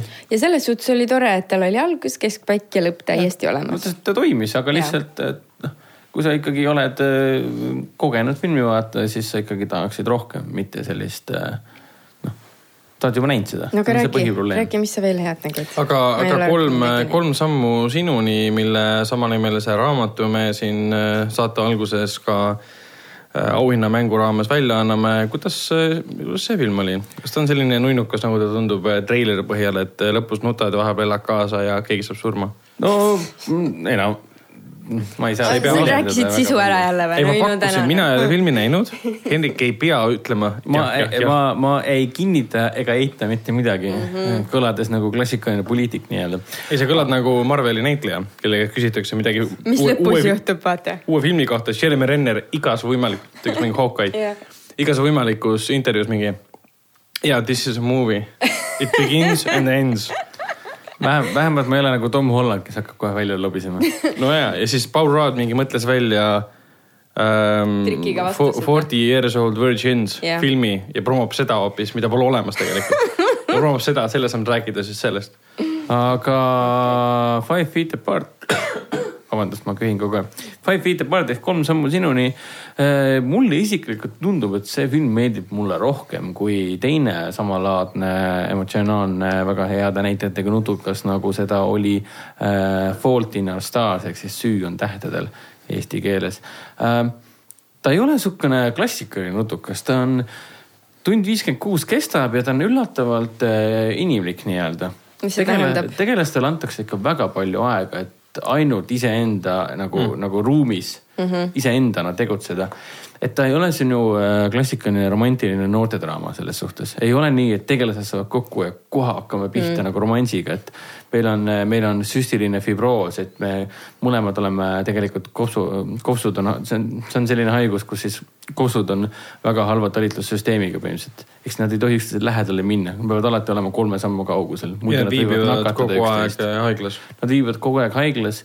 Äh, peategelane, keda kehastab Hailey Lou äh, Richardson Äh, tema on siis filmi peategelane ja tema kogu noor elu ongi olnud niimoodi, et ta lihtsalt veedab haiglas, kogu tema peab videoblogi ja teeb kogu aeg sihukest naeratavat nägu. aga see Hailey Lou mängib seda nii hästi mm.. ma soovin, ma soovitan kõigil seda vaatamine puhtalt sellepärast, et need on kaks väga andekat noort näitlejat ja eriti just Hailey Lou Richardson, Richardson. Ta mängis. oli suurepärane ka selles Hailey Stanfieldi ja Woody Harrelsoni komöödias The Age of Seventeen. jah, ja ta mängis ka Shyamalani, Shyamalama Ding Dongi selles Splitis lõhestunud filmis. kuidas bro? Shamalama Ding Dong. Nagu, mis asja aga, aga film on hea. Heli Ruises on tõesti, ta on ääretult inimlik näitleja. ta suudab selle tegelase väga hästi välja tuua kõik need nutud ja rõõmud ja need emotsioonid vahelduvad hästi kiiresti. ja romantika osa on samuti, toimib ses suhtes. et ütleme nii, et see film esitab küsimuse, mida teeksid sina, kui sa oled äh, lukustatud põhimõtteliselt haiglasse. sa ei saa äh, inimemotsioone tegelikult kogeda füüsilises mõttes ja, ja, ja seegi, kellesse sa armud, on sinu täpselt samasuguse haigusega mm., siis sõna otseses mõttes te ei saa üksteisele lähemale astuda et sa võid äh, öelda, et see film äh, küsib, et kas saab armastada inimest, keda sa ei tohi kunagi puudutada? jah, küsib küll. Vast... see oli küsimus, mitte vastus. see on, see on muidugi, see on muidugi vastus, mida me tegelikult teame, et äh, aga ma ei hakka spoilerdama. ära, ära, ära, ära. mulle väga film meeldis, mul on tõesti, mul on see aja jooksul aina rohkem külge kasvanud ja Riverdale'i staar äh, Cole Sprouse äh, ta on äh, väga sõrmikas kutt, ma arvan, et äh, temast võib saada veel, noh, ta muidugi on juba äh, nii-öelda suur staar tänu sellele seriaalile Riverdale. ja aga... sõbrad. Ja sõbrad, sest ta mängis sõprades Benny, vabandust, Rossi, Rossi poega aga siis ta oli ka mingi, ma ei tea, nelja-aastane või? ise oled, ta oli suurem. aga, aga okay. soovitan vaatama minna, sest ta on niisugune äh, mõtleva inimese äh, draama mm. -hmm. mõtleva inimese nutudraama. selles mõttes, kui võtta arvesse kogu seda žanri, tegelikult filmižanr on täielikult täiesti olemas, kus mm. on alati kas üks osapool on haige või haiged, mõlemad no, haiged, haiged noored inimesed. ja noored inimesed, kes saavad kokku, üks neist oli ju see Midnight Sun vist või? Äh, kus Bella Thorne mängis. ja, Midnight Sun ja, ja siis Arnold Schwarzeneggeri poeg Patrick Schwarzenegger. jah, aga see oli minu arust küll nii lähedalt kokku pandud, et sa, tajusid seda, et. seal oli, seal oli, seal oli tal see haigus, kus ta ei saa päevavalguses olla. sest ta nahk, nahk hakkab, nahk hakkab. seal oligi nagu, oli tseen, kus ta oli kodu, koju nagu hilinemas, hommikuvalgus hakkas teda tapma põhimõtteliselt umbes niimoodi. ja see on, see on päris haigus, aga see ei ole nii ja nii ekstreemne. see oli üle Hollywoodistatud kindlasti. see ei ole päris nii nagu, nagu sa oled vampiir mm., vaata, et päevavalgus tuleb ja hakkab põlema mingi karjutus. päris, päris Twilight ei ole ja tegelikult Midnight Sun äh, ei ole üldse originaalne film, sest ta põhineb äh, kahe tuhande kuuenda aasta Jaapani filmil mis mm. tõenäoliselt on väga hea. jah, ma just tahtsin sama öelda aga kuidas, kuidas Stockholmis oli? Äh, Stockholm ehk siis see on see film, mis põhineb seitsmekümne kolmandal aastal Stockholmis ohoo, milline äh, üllatus. toimunud äh, pangaröövil ja see oli ka seitsmekümne kolmanda aasta, seitsmekümne kolmanda aasta seisuga esimene Rootsi äh, nii-öelda kriminaalne sündmus, mida rahvuslik televisioon otse üle kandis. otse? jah hmm,, okay. mis on muidugi päris huvitav ajalooline fakt. film oli väga veider, sihukene satiiri, paroodia, hõnguline krimikomöödia, tragikoomiline. see on nagu ebareaalne, kuidas nagu see on jumala nagu nii-öelda tõsine teema, kõik kasutavad filmides väga palju seda Stockholmi sündroomi, eriti igasugustes krimides ja need CSI-d ja igasugused yeah. siuksed onju. et eh, seal nagu hästi palju käsitletakse seda ja siis nüüd käsitletakse seda teemat satiirina. mul üldse ei mahu see pähe nagu Kui.... ütleme nii, et see, ma lugesin seda tausta ka tegelikult, mis, mis siis seitsmekümne kolmandal aastal see tegelikult juhtus ja tundub, et see kõlabki. Idiootsena. kõlabki üsna tobe koomiliselt ja mis seal vang-, sel, selle pangaröövli ja tema eh, vangistatu vahel tegelikult eh, toimuma hakkas. kas nad jäid kokku siis pärast või mis asja? ei, seda ei juhtunud, kuigi, kuigi seesama pangaröövel, kes siis lõpuks ka kinni pandi mm, -hmm. see pole spoiler, sest see on ajalugu Which is true. Tegelikult ta abielluski ja kolis Taimaale viieteistkümneks aastaks. Ta abiellus oma austajaga, kes saatis talle kirju vanglasse. Mm.. et ta sai endale väga palju austajaid, talle hakati väga palju kirjutama ja puha. Aga filmi peaosas on siis Ethan Hawke, kes kehastab väga sihukeses ameerikalikus stiilis rootslast kes on Ameerika aktsendiga mm. -hmm. või siis vastupidi, tähendab. mis keeles ta filmis räägib siis? kogu film on inglisekeelne ah,. Okay. aga rootsi aktsent on. aga, aga tal on nagu aktsent on mm -hmm. juures ja ta filmis põhjendab ära ka selle, et tegelikult ta on äh, rootslane, aga ta on suurema osa mm -hmm. aja, ajast elanud Ameerikas okay.. ja kogu film kubisebki siis Kanada, Rootsi, Norra ja Briti ja mm -hmm. USA näitlejatest mm, -hmm. kes kõik on siukse rämeda rootslase näoga ja kõik räägivad inglise keeles ja kõigil on see nii-öelda rootsi aktsent juures nii-öelda okay.. nojah, siis filmis on ju seda naist nii-öelda kehastab siin Noomi Rapace, kes on äh, väga tuntud Rootsi näitleja, aga tegutseb peaasjalikult siis äh, Hollywoodis. jah, ja no siin, siin justkui nagu põhjendatakse see ära, see inglise keele kasutus puhtalt sellepärast, et ta ronib sinna Rootsi suurimasse panka Stockholmis, eh, olles räme Ameerika sihukene outlaw mm. -hmm. ja, ja ta räägib kõigega inglise keeles ainult. sellel on tegelikult väga kindel põhjus, miks ta on maskeeritud ja mm. miks ta näeb nii robustne, imelik välja nagu mingisugune rokkar, midagi taolist. aga kas ta raha saab pärast endale või? Ütleme nii, et äh, ma ei hakka spoiler dama, aga selle, selle, selle filmi, selle loo taga on äh, midagi, äh, antud filmi loo taga on midagi palju enamat kui lihtsalt, lihtsalt raha ah.. et see tuleb väga kiiresti, saab selgeks, mille, millega tegelikult tegemist aga on. aga see kõlab väga huvitavalt, puhtalt sellepärast, et vaata, kui lihtne oleks võinud seda filmi teha. sa lihtsalt tõstad selle Ameerikasse näiteks või, või panedki tõesti Rootsi selle, aga paned kõik peategelased lihtsalt puhtas ameerika inglise keeles rääkima, sa isegi ei näe vaeva selle nimel, et luua sinna Rootsi keskkonda vähemalt nad nägid vaeva selle peale. visuaalselt, isegi visuaalselt ta nägi välja nii Rootsi, et mm., sihuke, mul tuli mingid sajad mingisugused Rootsi filmid visuaalselt mm. tulid kohe meelde, kui ma seda filmi vaatasingi. kurat, see on ikka Rootsi film okay.. paneks dub dublaaži, vahetaks lihtsalt ära, sihuke tunne on. aga film sõna otseses mõttes nagu selgitab siis ära, et miks see termin eh, Stockholmi sündroom kasutusele võeti. ehk siis tekkis sihukene ebatavaline kamraadluse suhe eh, vangistajaga okay.. Eh, Numi Rapaz oli seal ka, Mark Strong mängib ka, väga laheda rolli teeb, aga seesamune meie sõber eh, Ethan Hawke on jätkuvalt väga äge näitleja. Mm.. et olgugi, et film, ta ei kanna ennast päris lõpuni, sest ta hakkab vahepeal kuidagi eh, noh, jaburdama ja jääb kuidagi paigale. Ja noh, selline koomika seal ei, noh, ta ei, ta ei, ta ei hoia piisavalt huvi üleval tegelikult filmi suhtes aga ta on üks nendest filmidest, mille, mille kohta sa tahaksid pärast filmi vaatamist äh, kinost väljudes öelda, et noh, nagu oli kah. Mm.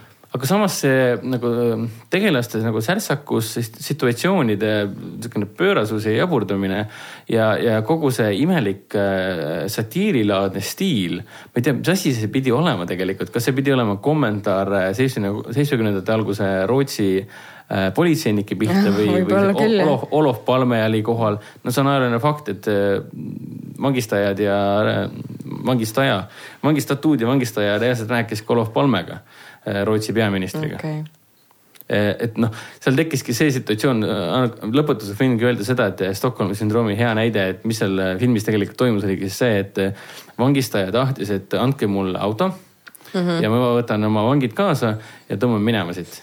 Olof Palme ütles ei.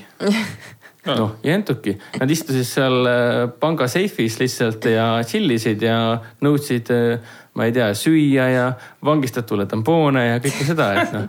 Ja, ja siis lõpuks oli ka see, et samused ähm, vangi, vangistatud ise helistasid Olav Valmele ka, et kuule, rahunege maha nüüd, anna talle see auto ja lase minna. mida sa teed, ma tahan koju, söö, lapsed ootavad ammu juba. et tekkis okay. sihuke situatsioon, kus siis äh, vangistatud hakkasid ise vastu sellele Aa, mitte okay. vangistajale, vaid äh, teistele, teistele, et miks te ei anna järgi, nagu ma tahan mm. lõpetada. see ei ole ju siis vangistaja pooldamine, see on pigem, et ootate olukord juba lahenes. ei, aga lõpus nad mängisid seal kaardimänge, olid jumala chill'id omavahel ja lõpus nad isegi kaitsesid neid ja nii edasi, et noh okay okei, okei, see ongi see sümpo-, süm-, sümpaatia, mis sul äh, tekib äh, sinu vangistaja vastu. no kui sa tunned, et välised jõud ohustavad sind rohkem kui see, kes on sinu juures põhimõtteliselt. ja, et äh, noh, ütleme nii, et ta on sihuke väike, tore film, mis iseenesest võiks nüüd paari kuu pärast nagu meelest ära minna mm.. aga tänu näitlejatele, eriti just Ethan Hawke'ile ja filmi sihukesele jaburale stiilile pigem on võimalus, et ma pigem vaataks uuesti aasta pärast, sest mm. midagi temas on, mis jääb meelde. väga äge, kõlab hästi vot ähm,, enne kui me räägime pikemalt ähm, Marveli kinouniversumist ja mõne sõnaga Hoff, Hõhvist tähendab ähm,. mainime ära, mis filmid hakkavad tulema see nädal kinodesse. Nende hulgas on äh, Valge vares, mis on siis Ralph Fiennes'i lavastatud film äh,. kuulus, äh, kuulus näitleja, keda me oleme näinud näiteks Voldemorti rollis. ja, ja, ja ta oli, kus ta veel, Inglise patsiendis näiteks ja David Cronenbergi filmis nimega Ämblik või noh, Spider ja, ja, ja ta mängis ka, mängis ka Punases draakonis Hannibali filmis. tema siis lavastas äh, filmi legendaarsest Nõukogude Liidu balletitantsijast Rudolf Nurejevist, kes siis äh, pani Nõukogude Liidu raudse kardina tagant plehku. Kusjuures seoses, seoses sellega on huvitav fakt, et ähm, Visa hinges vaata, seal olid ju ta olid vist saksa terroristid või? ja olid ja, ja, ja. Ja üks, üks neist, see põhiline tüüp, see Karl mm, -hmm. kes äh, läks lõpuks peksma seda mm, McLeani selle eest mm, -hmm. et mhm. äh, tema vend sai surma mm. -hmm. tema on ka tegelikult Nõukogude Liidust põgenenud. aa ja, ja ma mäletan seda lugu. balletitantsija oh.. et oma trupiga ja oma naisega nad tulid USA-sse mm -hmm ja pärast sai temast nagu näitleja yeah,. Yeah. tuli, tuli USA-sse, tema otsustas, et tema enam tagasi ei lähe, naine läks tagasi. naine, no. naine peeti kinni muidugi mm, -hmm. aga mees enam tagasi ei läinud ja temast sai Tubli. Karl Visa Inges, kes ära tapeti ülespoole aga sihukene roll, noh no, sihukene roll. et baletitantsijad ei ole midagi, lihtsalt no,, äh, lihtsalt tantsijad, nad võivad olla ikka väga korralikud terroristid näiteks. no vot vot äh,, kinno tuleb veel alles hiljuti, hiljuti mm, Viljandi komöödiafilmide festivalil Vilkom olnud prantsuse komöödia Uju või upu mm.. see on jah, tore prantsuse komöödia, tõenäoliselt äh, täna oli pressikas ka, vaatasin hommikul oli algust ka Nii juba väga palju lubav, ma lähen teda esimesel võimalusel vaatama. kas see oli naljakas vist ka natukene? ta on lugu keskealistest äh, meestest. Hele lemmikteema mm. -hmm, ma juba tahtsin siis, siin mõelda. aga see on niisugune suurepäraste näitlejatega, niisuguse peene prantsuse huumoriga ja niisugune, niisugune elujaatav lugu keskealistest meestest, kes otsustavad, et kuidagi. kellel on vaja... seksi vähe, jah? ei, ei kuidagi on vaja oma igapäevast halli elu muuta no,. ehk siis teisisõnu, me nüüd lähme teeme ujumiskoondise, sünkroonujumiskoondise wow. ja see on, ma, vaadake treilerit ka, see on tegelikult, see treiler on puhas kuld kohati, seal nagu tehakse ma... niimoodi nalja teatud mees osiste üle, et, et ütleme, see on täpselt selline, selline kevadine rõõmurull on see film, mida peab vaatama. kusjuures mul olid väga kahetised tunded selle treileri osas, et noh, ma olin sunnitud seda nägema, sest see jooksis millegi ees ja siis ma vaatasin, sest prantslased ja prantsuse kino on alati natukene niisugune friiki, et mm. ähm, neil on mingi teatud teemad, teatud hoiakud, siuksed ähm,, alati käib miskit justkui läbi seksi või paljaste kehade. ja siis ma mõtlesingi, ma ei saanudki aru, kas see on nagu komöödia või ta on draama. kas see ajab mul nüüd südame pahaks või see on midagi, mida võiks vaadata ja naerda. aga praegu Henriku jutust nagu võib-olla isegi võiks äkki, miks mitte teha seda kõike? siin on, ju väga lahedad äh, kaks väga tuntud prantsuse näitlejat ka, aga mina, mina isiklikult peast tean nagu Mathieu Almaric ja Kulle. Guillaume Canet või mm,? kindlasti. Kohta ma ei tea. Alvarik on väga sarmikas ka Hollywoodis mänginud, et mm. Äh, ja äh, fakt on ka see, et film oli äh, eelmisel aastal Prantsusmaal üks tõelisemaid suurimaid hitte. okei, no järelikult peab ikkagi päris väärt vaatamine olema, et ma võtan ennast kokku, ma loodan, et te tulete kaasa ja, ja ma lähen siis Prantsuse keskealisi mehi vaatama aga ja ma seda... parem saagu sellest hea kogemuse. aga kui sa Prantsuse keskealisi mehi näha ei taha, siis Nii. on sul võimalus vaadata ühte väga kena sensuaalset sensuaalset prantsuse tütarlast prantsuse filmis Puhas kui lumi oh. et seal on nii. see on mingi süütuse kaotamisest ei, see on äh, romantiline, erootiline komöödia, mis on loodud äh, lumivalgukese muinasjutu põhjal. issand. põhim-, põhimõtteliselt sündmustik on suhteliselt sama. et aga... Isa, Isabel Hubert Oot. mängib siin ka. aga siis, kes on ju kuripaha hunt on ka või? kes siis päkapikud on? oota mis hunt? pune, punamütsike või lumivalguke? mis hunt? ma ei tea. ei, siin ei ole hunt. lumivalgukese põld hunt. siin on meil nõiamoo, siin on meil kaunis prints ah, ja siis on meil seitse pöialpoissi. see oli punamütsik jah ai, ai, ai. sinu, sa, sa pead ikka oma muinasjutud korda saama. ei, asi, mul nagu need keskealised mehed praegu sõitsid katuse ära ah, Lähme edasi aga ja, Isabel Hubert tuleb tagasi, nii et eestlaste lemmikprantslanna on tagasi. alles ta oli äh, alles ta oli filmiga Greta mm,. ja see, mis see oli, see suur film, millega ta nüüd ülemaailmselt äh, kas see oli see taas L? vallutas ja L, jah. Mm -hmm, mm aga see tähendas midagi prantsuse keeles, et meie tõlkisime seda L-eks minu arust, aga see tähendas prantsuse keeles mina või sina või tema, tema, ja ta tema. on see naissoost tema Jaa, peaks olema naissoost jah. tema jah mm., et see oli väga-väga hea, et ma ei ole küll näinud, et see kuskil striimib või miskit, aga näinud, see see oli oli, väga ähm, äge. Seal oli ka sellist vägivalda ja seksi ja see muud oli siukest. Paul, Paul Verhoveni film. Verhoven on väga-väga huvitav, huvitav reisija. No nii, no nii, no nii, Nüüd läheb Hendriki väga lakke. suur. ma olen näost punane juba. ja me näeme. et kahekümne kuuendast aprillist alustab. Sajandi suurfilm. tasuvad lõppmäng. Marveli, Marveli kahekümne, issand jumal, Marveli kahekümne teine film, millele väga positiivsed ennustajad, väga optimistlikud ennustajad arvavad, et film teenib siis avanädalavahetusega. kuna mõnel pool maailmas alustab kahekümne neljandal aprillil, meil kahekümne kuuendal, USA-s kahekümne kuuendal, teenib üle kogu maailma avanädalavahetusega äh, juba miljard dollarit, mis on No. totaalne täielik viimased mingid sandid juba progno- prognoosivad, et noh, kui eelmine sai vist mingi viissada, kuussada või siis see saab kaheksasada või midagi. väga 800, tagasihoidlikult, eks ole. et eh, tuleb erutav film, aga sellest ei pea rohkem rääkima, sest Okei. järgmise nädala episoodis. ma ei oskagi selle kohta midagi rääkida, ei sest filmi kohta ei ole mitte midagi teada aga siiamaani. tegelikult mind äh, isiklikult erutab küll kinoklassika, mis tuleb. täpselt nii. on äh, kaks tuhat üks Kosmose Odeia, Kosmose Odesseia, Odeia. Odeia. Stanley Kubricku film, Kubrickul on üldse väga siuksed ähm, omalaadsed filmid ja see film viib meid kosmosesse ja kosmoses ähm, juhtub nii mõndagi. juhtub nii mõndagi jah. et näiteks yes. tahad, et sinu kosmoselaeva uksed avataks, aga hääl ütleb, et No. I can't do that. ei, ei see oli niimoodi. I can do that for you baby. Okei. sa oled mingit valet filmi äkki vaadanud? äkki sa oled mingit paroodiat vaadanud või? see oli Let's meet oli palju- behind Cosmose Odesseia.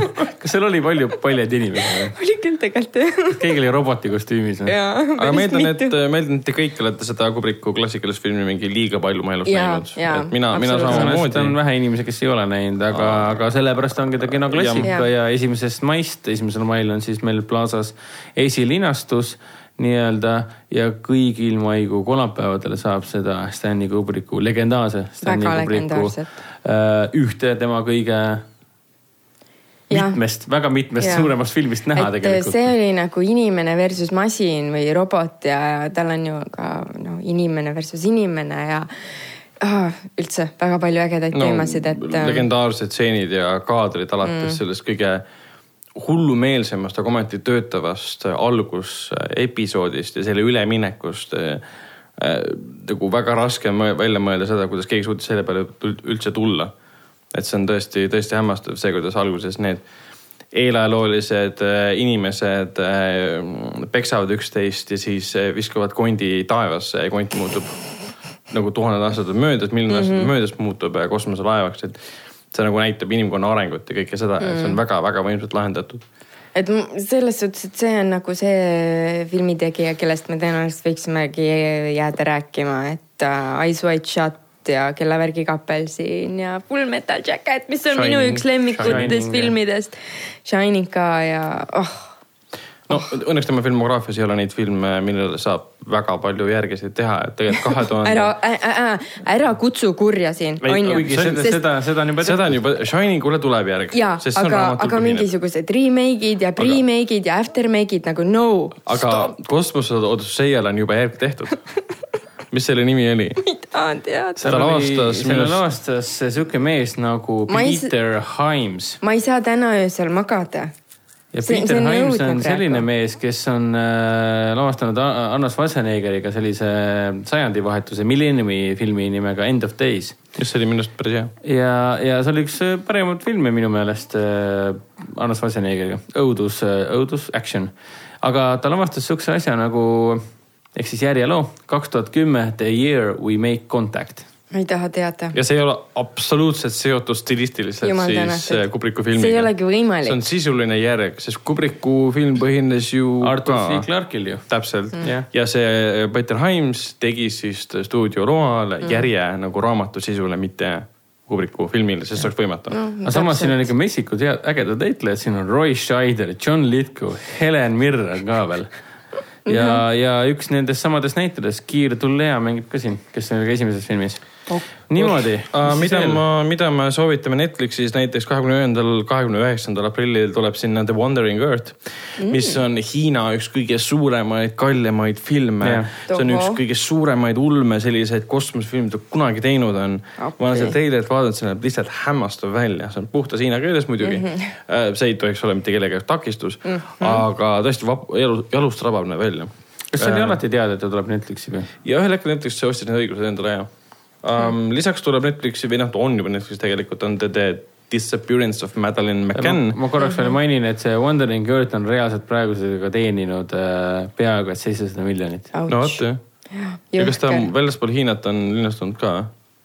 Tõenäoliselt väga mitte, sest kui Hiina teeb, siis ta teeb ikkagi oma publikule on, yeah. ja oma keeles, oma näitlejatega, oma superstaaridega ja noh, siis on see, et kui Hollywood avastab, oi, see on päris hea ja siis rikub ära selle, kui ta teeb. no, näiteks avastas, et ta on päris hea ja paneb nii nagu ta on, on ju. Mhm. Box Office Mojo väidab mulle, et ta on ka Austraalias ja Uus-Meremaal olnud. No, no sealt ei saa kandis. väga palju tulla, vaata publikut ka, Hiinas on see enamjaolt ikkagi aga Disappearance of Madeline McCann on nii, siis muidugi sellest, äh, ma olen paar osa vaadanud, päris huvitav on jah, et kui no, keegi enam ei mäleta seda Madeline McCanni kadumist. Äh, päris õudne. kus ta nüüd täpselt kadus? Portugal või Hispaania või kuskil seal soojal maal. üks kõige vist puhkusel inimkajastatud ja. lapse ja. röövimisi, kadumisi, seda siiamaani pole kinnitatud, kas ta rööviti või mitte, aga me teame no, nagu alati on ju kahtlustati ka vanemaid ja ma nii. ma mäletan kusjuures seda, kui ta kaduma läks. mina mäletan ka, sest see, see pandi nii meeletult suure kella külge, see õudne, mis meedia nad enda alla haarasid ja kui palju siis nad neid raamatuid kirjutasid ja kuidas kõigepealt nagu ikka süüdistatakse vanemaid ja nagu ja, filmides ja, Always ja, the boyfriend did it, vaata. aeg-ajalt ju tuleb see uudis uuesti üles, kus, kus mainitakse siis, kui teda nähtud kuskil. tehakse fotorobotid, missugune ta vanemana välja näeks. uued DNA tõestused, aga sellest on mm. nii palju aega möödas, et loodus seda kunagi leitakse. aga ei, dok on selles põnev, et ta võtab kõik need info selle mm. kokku mm., kõik, mis on vahepeal kogutud, spekuleeritud, mis iganes mm, -hmm. ta lihtsalt teeb väga hea koondkokkuvõte. ja selle koha pealt, miks mitte. et äh, väga kurb ja vastik teema muidugi mm., aga miks mitte. Äh, lisaks ma tahaksin ära mainida, et Amazon Video Prime'i, mis on Eestis ka olemas täiesti jõudis The Upside, mis on siis. see on see animatsioon, eks? ei, see on see film ahah. see on see, see, mis jooksis ka Eestis, filmi pealkiri eesti keeles oli Ootamatu sõprus, Kevin Hart ja Brian Cranston. see on see Brian Cranston jah, Kevin Hart film. aa jaa, muidugi. Prantsuse, Prantsuse filmi The Untouchables. Untouchables. Untouchables, äh, selle ingliskeelne äh, versioon. uus versioon jah, mis mm -hmm. oli tükk aega sahtlis, sest selle filmi levitaja oli Weinstein. siis ta Ai. nagu pandi sahtlisse ja siis ta lasti hiljem välja alles. kui prantsuskeelne nimi ei öelnud eriti midagi, siis on see Omar Sy äh, meeletult maailmakuulus film eesti keeles oli see Üks pluss üks jah, see oli ka hästi populaarne, ma mäletan seda, ja. ja mm, kõigile lisaks on jõudnud Amazon Video Prime'iga niisugune tunniajaline film, mm, hästi kummaline film, mm, natuke olen teda vaadanud, Guava Island. kus mängib peaosas Rihanna oh,. ei ole nii. ja Donna Glover ehk siis wow., mis tema artisti nimi nüüd oli, Childish Gambino wow.. ja seal on ka siis This is America, see lugu, mis, millest ta poiss sai teatud eh, selline rendition esitatud, see on muusikafilm, kus põhimõtteliselt mõlemad laulavad mm. -hmm. leiab aset kuskil mingi, kas Haiti saarel või midagi laadset, ma tõesti ei ole teda jõudnud veel vaadata, paar treilerit olen vaadanud äh,. Rihanna ise on ju Kuubalt või kus, kuskilt saare pealt. Barbados ei olnud midagi. jaa, Barbeidoselt ja, ja, ja, ja Barbeidosse saarelt on see. see läheb nagu nende juurte juurde, kujutab neid hoopis teistes kontekstis, kus Rihanna ei ole maailmakuulus laulja, kõik Aha. see, et aga. aga laulab ikka jah? Jah, aga ei, näeb väga huvitav näeb välja, kestab tund aega, tundub, et see on pigem mm. sellise eksperimentaalse filmina mm. tehtud, kuna Rihanna mm-hmm. vaatas, et Donald Glover on väga äge. oota, see on ikkagi täispikk või? no ta on natuke no, üle tunni. aega ah,. veits mm. hästi, mingi mõned minutid üle tunni minu arust oli mm ühesõnaga, see kõlab tõesti väga-väga põnevalt, et äh, lauljad ja filmid lähevad viimasel ajal väga palju kokku et.... see ongi äh, enamik Kuubal filmitud, et Guava saart kui sellist ei tohiks olemas ollagi. -hmm väga vinge. kuule, aga siis äh, enne kui me saate lõpetame no, ma küsin nii. teilt ühe küsimuse ja teil tohib olla ainult üks vastus. nii. Helen. nii. mis on sinu kõige lemmikum Marveli kinouniversumis asuv film äh,? palun mulle vastuse variante äh,. ma võin sulle anda valiku nendest filmidest, mida mina arvan, et on kõige paremad. kaks kärbest ühe hoobiga. kaks kärbest ühe hoobiga no proovime. nii, Tasujad, Igavikusõda. ei äh,. Galaktika valvurid, üks. okei okay. või kaks. jaa, okei okay Black eh, Panther. oota, üks on okei okay,, kaks ei ole okei okay.. okei okay. uh,, Must Panther. jaa, väga okei okay.. Raudmees. ei tekita suuri tundeid, erutust ei, ei toimunud praegu Kapten Ameerika, talvesõdalane. ei, ma vaatasin seda bussis ma ei tea. Et ei sobi? ei, ei uh,. Kapten Ameerika kodusõda? ei. Doctor Strange? ei. Kapten Marvel? ei uh,. Thor Ragnarok jaa. hämmastav hull. väga hämmastav oli. nii, aga Hummastav. milline neist filmidest siis äh, sulle kõige rohkem meeldib ähm,? kõige-kõige rohkem, ma ei teagi, milline kõige, mulle meeldis Thor, Ragnarok number üks, siis äh, Guardians of the Galaxy number kaks, Panther kolm. Okei, väga hea, nii väga hea vastus mm. -hmm, ma olen aitäh. suhteliselt nõus. sa küsisid äh, ühte filmi, Helene vastas ikka kolm. ja aga, aga aga see kinouniversum on lihtsalt niivõrd suur. jaa, et, et, et kuidas et, ta et, nagu mahub või kuidas ta ringiks mu jaoks muutub, emotsioonispekter on niivõrd suur, et sa mm -hmm. ühel hetkel lihtsalt pead valima iga, iga emotsiooni jaoks ühe. ja, ja, ja ma arvan, et kõige rohkem tekitas minust seda erutust just see Thor Ragnarok. me ikka räägime erutusest väga palju siin saates mm.. me peaksime selle ära lõpetama. aga Ragnar üks, teeme sinuga siis kas ühe filmi. kas sinul oli okay. ka Thor Ragnarok? anna, anna mulle oma top kolm ma annan ühe filmi no,. või anna üks film, sa oled väga julge poiss, aga no okay,. praktika valvurid pool kaks. kaks? miks wow.? see on suurepärane film, millel on väga täpselt välja joonistatud karakterid, teemaarendused, kuhu nad peaksid välja jõudma. ja, ja väga julge sisuline areng. väga julge, seda ka. ja selle filmi lõpp on üks kõige paremaid, mitte konkreetne lõpp, aga lõpu üks stseenidest on üks paremaid stseene, mis ilmestab minu arust Marveli seda kinouniversumit kõige paremini kus sul. ja kus julgust ja julgust usaldada läbi, läbi, läbi, läbi ja lõhki katkised tegelased äh, ühel hetkel saavad aru, et me oleme osa, osa perekonnast ja vaatavad, kuidas üks neist on siis surnud ja siis tema, tema matused toimuvad. ja sellel hetkel saad aru, et sellepärast sa neid filme vaatadki, sa vaatad neid tegelaste pärast, et mitte sellepärast, et kuskil on mingi CGI koll lendab ringi, kuskil keegi plahvatab. me oleme näinud neid filme. inimesed, inimesed, see, see film ei teeni kahe päevaga miljard dollarit sellepärast, et siin on suured plahvatused ja kaheksasada miljoni eest on tehtud efekte me läheme neid tegelasi vaatama. Mm.. ja see film nagu tõestas selle, et need tegelased, ükskõik kes nad ka olla, nagu kõn-, rääkiv puu, kes kasutab ühte sõna. pesukaru no, no. eksperimendi tulemusena loodud pesukaru, kes ei taha olemas olla, sest ta ei teadnud, et ta peaks olemas olema. Mm.. tüüp, kellel on isa sureb ära, kellel ema on surnud, isa tappis ta ema ja kõik siuksed karakterid ja siis. isa on värdjas. üks, üks naine, kelle isa on nagu maailma hävitaja põhimõtteliselt. genotsiidi, genotsiidi armastav värdjas. et äh, sa suudad nagu väikse puu ma isegi. siis, äh, siis äh, pesukaru muuta meeldivaks karakteriks, siis yeah. see on hämmastav. väga ilus põhjendus, aitäh. ma olen, ma olen sinuga nõus, minus äratas Galactic Wolverine kaks ja esimene ka tegelikult väga siukse Joss Whedoni Firefly fänni minus üles, et siuke soojad tunded tekivad selle perekonna teemaga. aga üldsegi väga raske on valida seda ühte lemmikut. aga minu silmis äh, hetkeseisuga ma tõesti valin ainult ühe. siis mul on nagu, kui ma valiksin emotsiooni najal, siis ma valiksin praegu äh, Tasujaid igaviku sõda. emotsiooni najal mm, -hmm. sest noh, Endgame tuleb põhimõtteliselt reede südaöösel, vabandust, neljapäeva südaöösel äh, aga minu jaoks hetkeseisuga jääb parimaks, kuna, kuna olen seda tõenäoliselt kõige rohkem vaadanud, siis jääb selleks Must Panther see et, oli, äh, see oli ka kuidagi, tas oli sügavust, temas oli särtsu, hea muusika oli. Äh, ja ta oli, ja ta oli ka kõike muud kui ainult äh, superkangelase film. ta oli väga äge siukene, mis oli afrofuturism jah mm.? ah, afro, jaa, jaa, afrofuturistlik äh, utoopia ja, ja, ja kõik selline uus, julge, siukene ulmeline fantaasiareaalsus mm. ja minu, minu silmis äh, Black Panther suutis olla üle nagu superkangelase tasandist.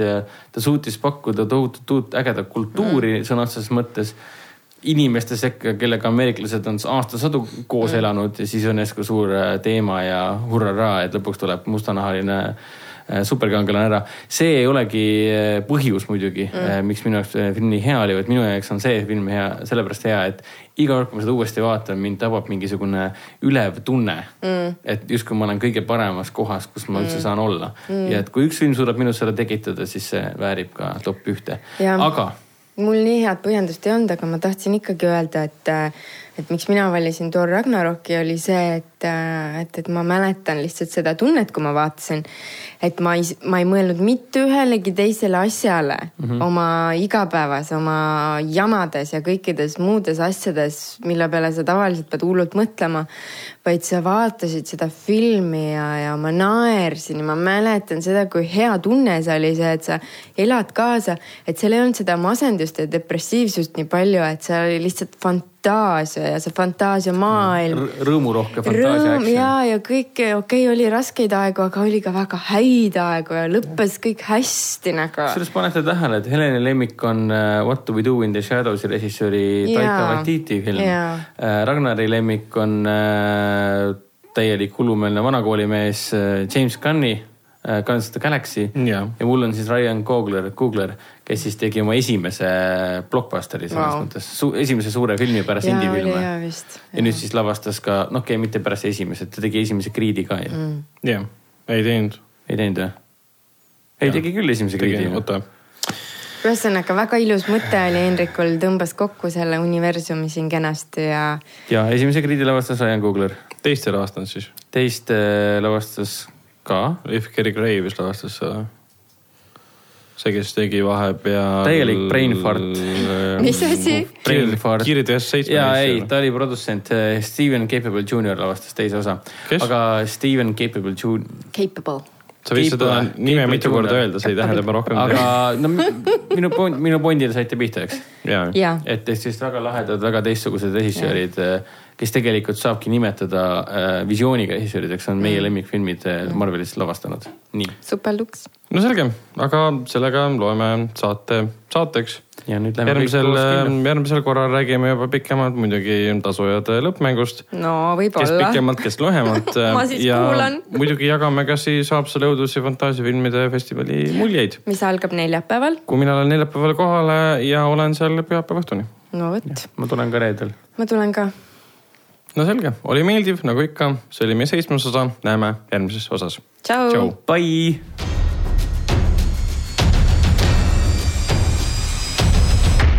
kinoveebi Jututuba podcasti tõi teieni Foorum Cinemas